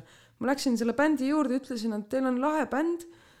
ma näen, et teil ei ole muusikavideosid, et kui noh, neil oli muusikavideosid jube halb, ma teadsin, et ma suudan natuke paremini teha, onju. siis ma ütlesin neile, et kuulge kutid, et äh, ma tahan õppida video tegemist, ma teen teile video. Ma võtsin ise selle võimaluse endale. Ja nüüd noh, ma tegin selle esimese video ära ja nüüd ma saan juba isegi natuke raha selle eest, kui ma videosid teen, et, et noh aga ma lihtsalt, minu hing juhtis mind selle võimaluse nagu, andis mulle selle viisi ja ma võtan selle võimaluse, ma ei, ma ei lähe, ma ei lähe pröögates kohale, et oh, ma oskan nüüd kaamerat, andke mulle tööd. vaid ma nagu lähen ja proovin ja kui see mind köidab, siis ma lähen ja teen. Äh, katsetamine äh, ja küsija suu pihta ei lööda, onju. no just, noh. ja need ja nüüd ma järg-, noh, septembris hakkame juba teist videot tegema sellele bändile, nii et noh no see on see... ideaalne, kas see on äh, midagi, mida sa tahad teha nüüdsest edasi, videograafia ja fotograafia? Um...? kas su hing põksub rohkem hetkele videograafiale kui äh, disainile? jaa, kindlasti. Ma olen äh, lapsepõlvest saati unistanud teha äh, muusikavideosid, et see, kui sa nüüd küsisidki, et, et, et miks just muusik ei saanud, onju, siis tegelikult mulle meeldib teha muusikavideosid et see skriptimine ja kusjuures ma leian, et, et kui ma olen nagu olnud sisearhitekt ja õppinud disaini ja, ja produktsioonidisainer peab oskama nagu kõiki neid asju, eks ju, siis ma leian, et ma olen nagu pool elu nagu valmistunud selleks, et minust saaks hea produktsioonidisainer. Et see, kuidas sa juhendad kaamerameest, kuidas sul nägemus on, kuidas sa storyboard'e teed, kuidas see lugu peas jookseb, on ju, et, et see, see on asi jah, väikse lapsena raamatuid lugedes õppisid sa seda, kuidas lugusid edastada, enda yeah. peas välja mõelda, onju. disainerina said sa aru, kuidas see visuaalselt esteetiline välja näeks mm. -hmm. põhimõtteliselt sa oled siis nagu-öelda enda peas kokku pannud nagu selle ideaaltööd, mis on visuaalsete piltide edastamine läbi muusika, mida sa niikuinii igapäevaselt just okei okay., mis sa arvad, mis sellest edasi veel tulla võib, kas on ka veel mingi level up nagu videograafia ja fotograafia üles, et on veel mingeid suuri unistusi nagu, mida sa tahad enda elus ära teha? tead, ma ei, ma ei taha unistada niimoodi suurelt, sest ma olen praegu nagu selles asjas ja ma teen praegu seda asja, ma ei tea, mis järgmisena tuleb. ma ei teadnud ka seda disainina, no sisearhitektina töötades ma ei teadnud, et must disainer saab, disainerina töötades ma ei teadnud, et ma kaamerat hakkan hoidma, onju et äh, ma pigem nagu praegu keskenduks nagu selle videograafi peale ja ootan põnevusega, mis siis järgmisena tuleb, et ma nagu noh, tegelikult mul mind töö juures natukene tahetakse sinna tootedisaini poole, et ma olen viimased kaks kuud kassi mänguasju välja mõelnud, mis on mõnes mõttes kassi inimesele ääretult fantastiline töö, kuigi tootedisain mulle üldse ei meeldi. aga ma arvan, et elu ise voolab edasi, sest kui ta siiamaani on vorminud mind sujuvalt, siis ma arvan, et see on edaspidi ka nii kui äh, keegi nüüd kuulab, on ju, seda saadet ja mõtleb, et oh, mul on nii äge bänd, ma tahan ka endale muusikavideot, siis äh, millist visuaali või millist nagu videokeelt või millist nagu temaatikat äh, sa üldse tahaksid teha? kes sa tahad, et su poole pöörduks, ükskõik, kõik on loodetud? pigem on niimoodi, et ähm, kui keegi pöördub minu poole ja ütleb, et ta tahab muusikavideot, siis ähm, muusikavideodes on see koht, kus ma nüüd ennast välja elan. sest ma olen teinud praeguseks kokku kolm muusikavideot ja need on kõik ääretult erinevad mm,. et kui esimene, jah, et kui esimene oli selline rokikas eh, looga jutustav video ja teine oli selline eh, helge ja hoopis teine lugu ja kolmas oli abstraktne mingisugune valguslahenduse teema, siis tõepoolest ma arvan, et et nagu kui minu poole pöördub mingi noh, mingi keegi tahab mingit videot, eks ju, siis ma pigem elan ennast välja, sest et noh, kui ma seda valgusinstallatsiooni asja tegin, siis ma tõesti, tõesti ma nagu tundsin, kuidas ma ennast välja elan nagu et ma, ma läksingi kell kolm kolmkümmend otsima päikesetõusu, sest ma teadsin, et mul on vaja saada timelapse'i päikesetõusust ja ma tundsin ennast seal põllu peal märjas rattaga filmimas, külmetamas ennast väga-väga võimsalt. sest mul oli see idee, onju. ja, ja ma arvan, et edaspidi ka, et, et, et andke mulle mänguruumi, siis ma tahaks nagu, noh, muusikavideo on nagu selles mõttes hästi lahe nagu žanr, mida teha, sest seal sa võid kõike teha. nagu sa võid täiesti hulluks minna ju noh, kui reklaamis sa pead ikkagi käi-, jälgima nagu seda valgusesteetikat ja sellist, noh, alati peab olema näiteks koeratootes müüb, et äh, keskealine blond naine ilusasti riides, eks ju, siis muusikavideos sa võid ju kõike teha. ja, ja kust see idee tuleb, on ju see võib olla mingi täiesti jabur, noh, sa oled ju näinud Meister Jaani viimane video, see, kus ta seal mingi tehniliselt mm. väga veider onju, aga samas jube äge onju. ma ei saa öelda just, et ma nüüd oleks väga kursis, mis Meister Jaan tegi, aga mis mulle näiteks imponeerib ja võib-olla ka sinuga peaks resoneerima, on näiteks Kerli Kõivu videod. ma ei tea, kas sa oled tema dokumentaali ma olen, ma olen näinud Kerli Kõivu videosid ja mina leian, et see on natuke, need on eh, lihtne teema okay.. aga kas sa tema seda dokumentaali oled näinud? Mis tal viimane välja tuli, Shadowworks, kindlasti soovitan vaadata, noh. tegelikult, tegelikult poolest... parem näide on tegelikult see, kas sa seda Eurovisiooni, Ukraina Eurovisiooni lugu see, see aasta nägid Nende video on niimoodi, et tüübid on lihtsalt äh, nendes kaitseülikondades, nad seisavad Kiievis ühe mäe otsas ja see värvikeel on ääretult ilus ja, ja seal ei ole mitte rohkem midagi kasutatud kui ainult mingid mõned veidrad liigutused ja see video on tegelikult väga äge. ta nagu kordagi ei kaota nagu seda, seda nagu asja ära, aga ta on filmitud ühes nagu ühes kohas väga lihtsalt see idee, lihtsalt see, kuidas nad liigutavad kaasa mingeid lihtsaid liigutusi. et see ongi see, kui sa muusikavideot teed, et kuidas sa leiad kõige lihtsama lahenduse, aga teha see hästi võimsaks mm,. nii, teha seda huvitavalt ka, onju. ühesõnaga, kes iganes tahab sind äh, endale muusikavideot tegema, peab sind usaldama täielikult. jah, andke lihtsalt, lase, lase mul olla, siis see video tuleb. et see, aga noh, see on palju nõutud jah, et selles suhtes mitte alati selles suhtes, ma usun, et kindlasti seal väljaspool no, on selliseid on... hingi, kes on nõus usaldama, sest minu arust loovinimesed usaldavad teineteist palju rohkem kui inimesed oh,, kes äh, ei ole selle maailma sees ise no aga muusikutel on ikkagi väga tihti ka oma nägemus asjadest eks ju.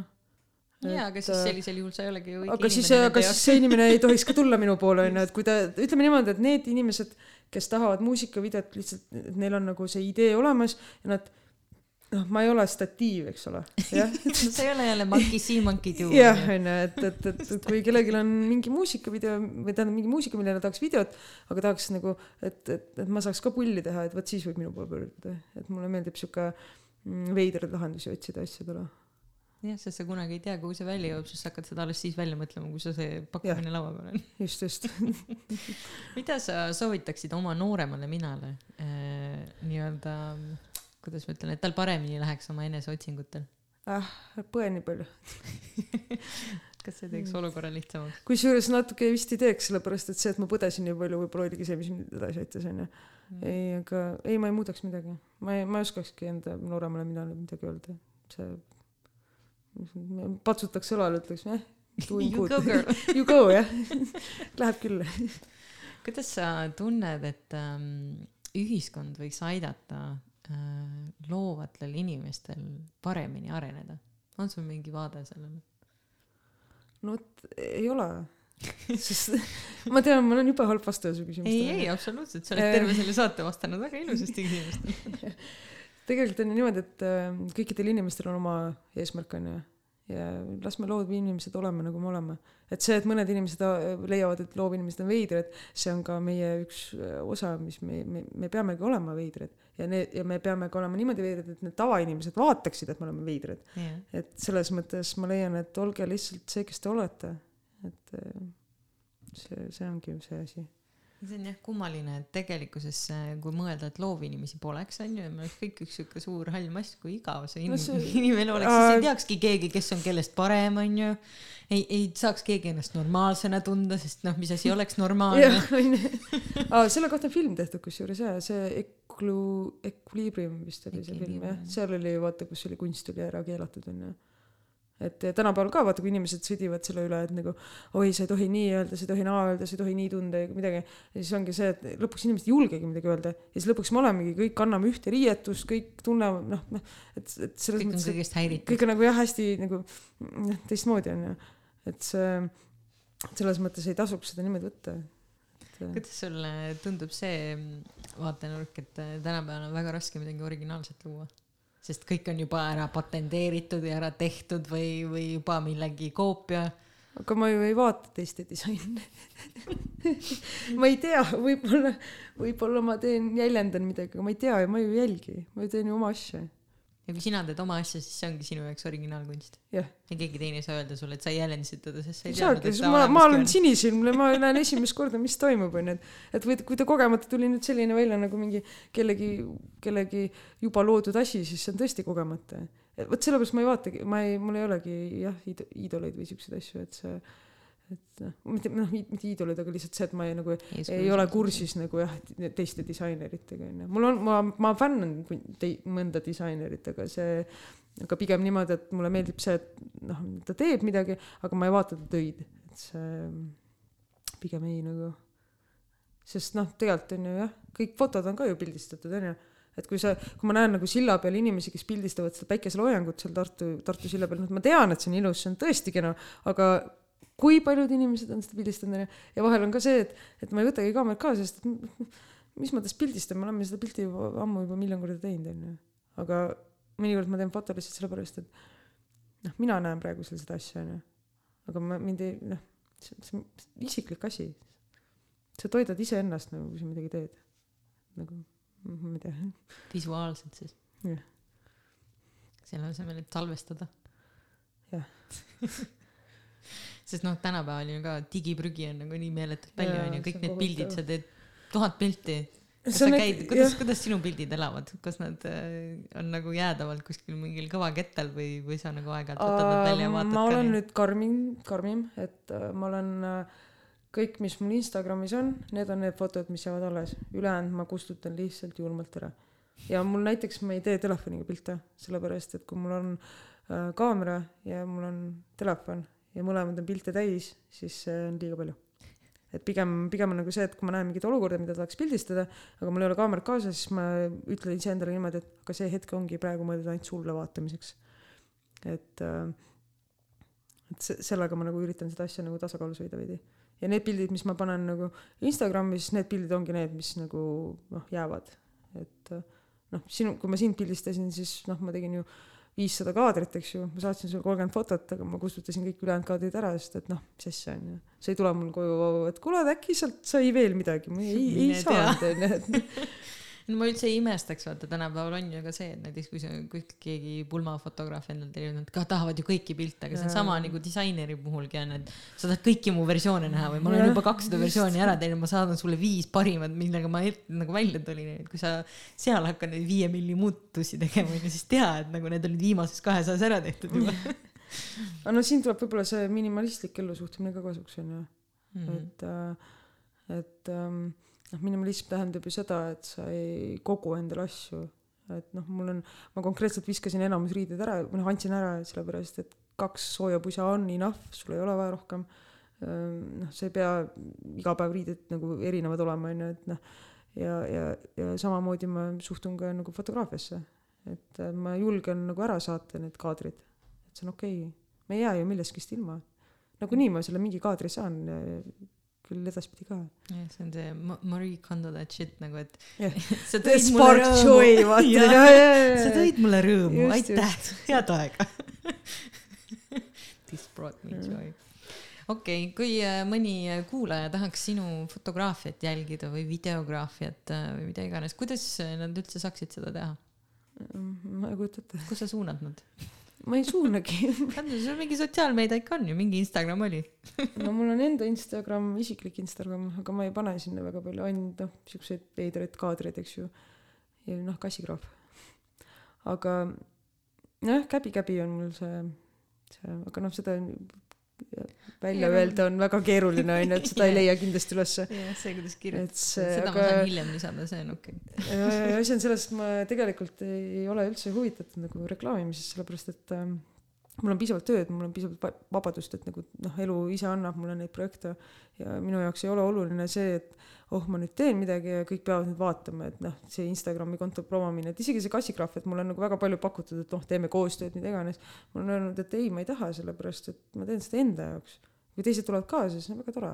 See on sinu kireprojekt, et see Jah. ei ole mõeldud selleks, et see ei ole ma ei hakka ma ei hakka sellega miljoneid teenima ma tean juba seda noh.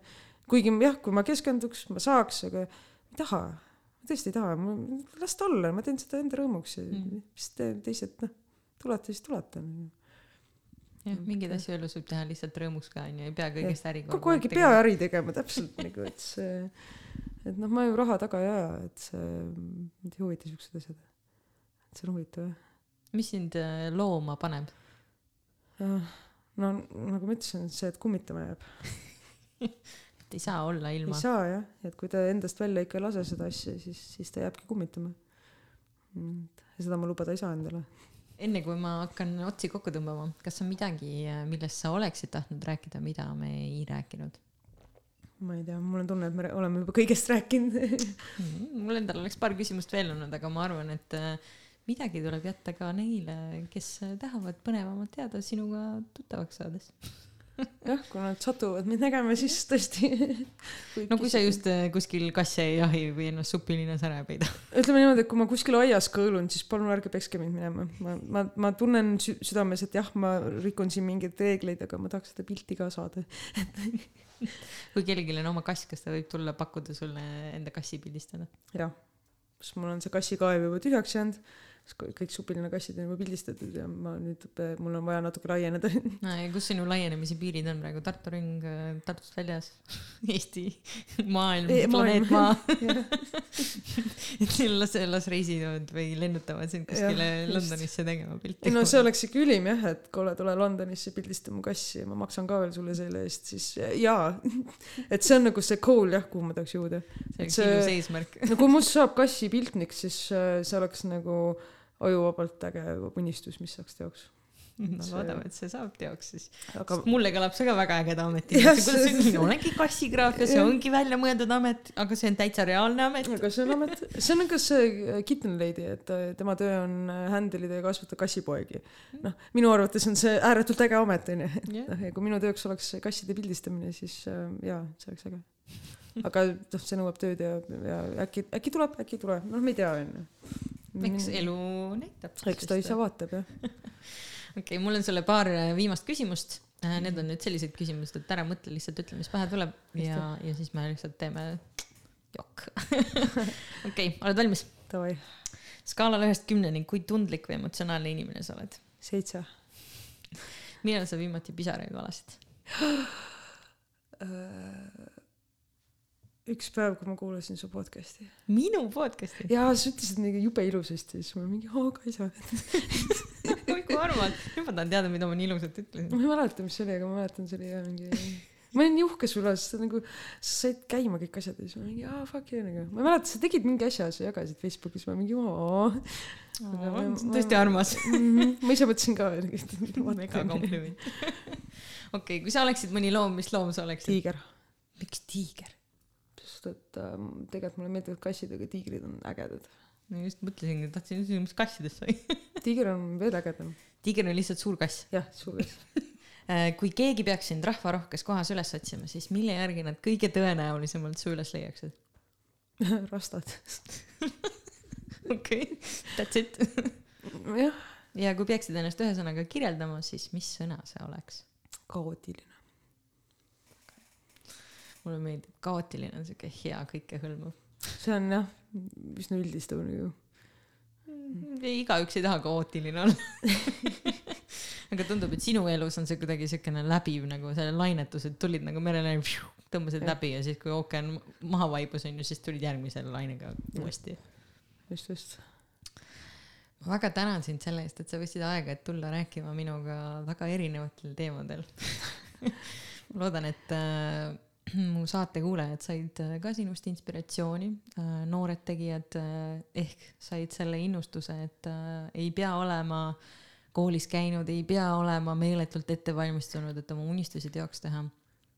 ja vanemad olijad ehk said lihtsalt innustust või rõõmu sellest, et sind tundma õppida no ma tahaks loota jah.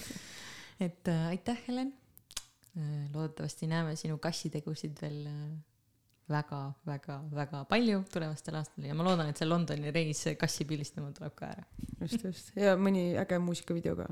absoluutselt, nii et äh, kui äh, meil on kuulajad, kes tahavad endale ägedat äh, muusikavideot ja anda Helenile vabad käed ja tiivad, siis palun, all for it. kui on inimesi, kes tahavad, et Helen nende kasse pildistaks, siis võite ka vabalt ühendust võtta, kas siis minuga läbi äh, loovusvool.gmail.com või Instagrami või Facebooki või siis otse ka Heleniga, et mõlemad variandid on täiesti okei okay. ja kui sul, kallis kuulaja, on pakkuda mulle mõni äge saatekülaline või äh, tahad sa lihtsalt jagada enda arvamust, mõtteid, ideivälgatusi, kõike, mis sul võis selle saatega seoses pähe tulla, siis ma olen üks suur kõrv.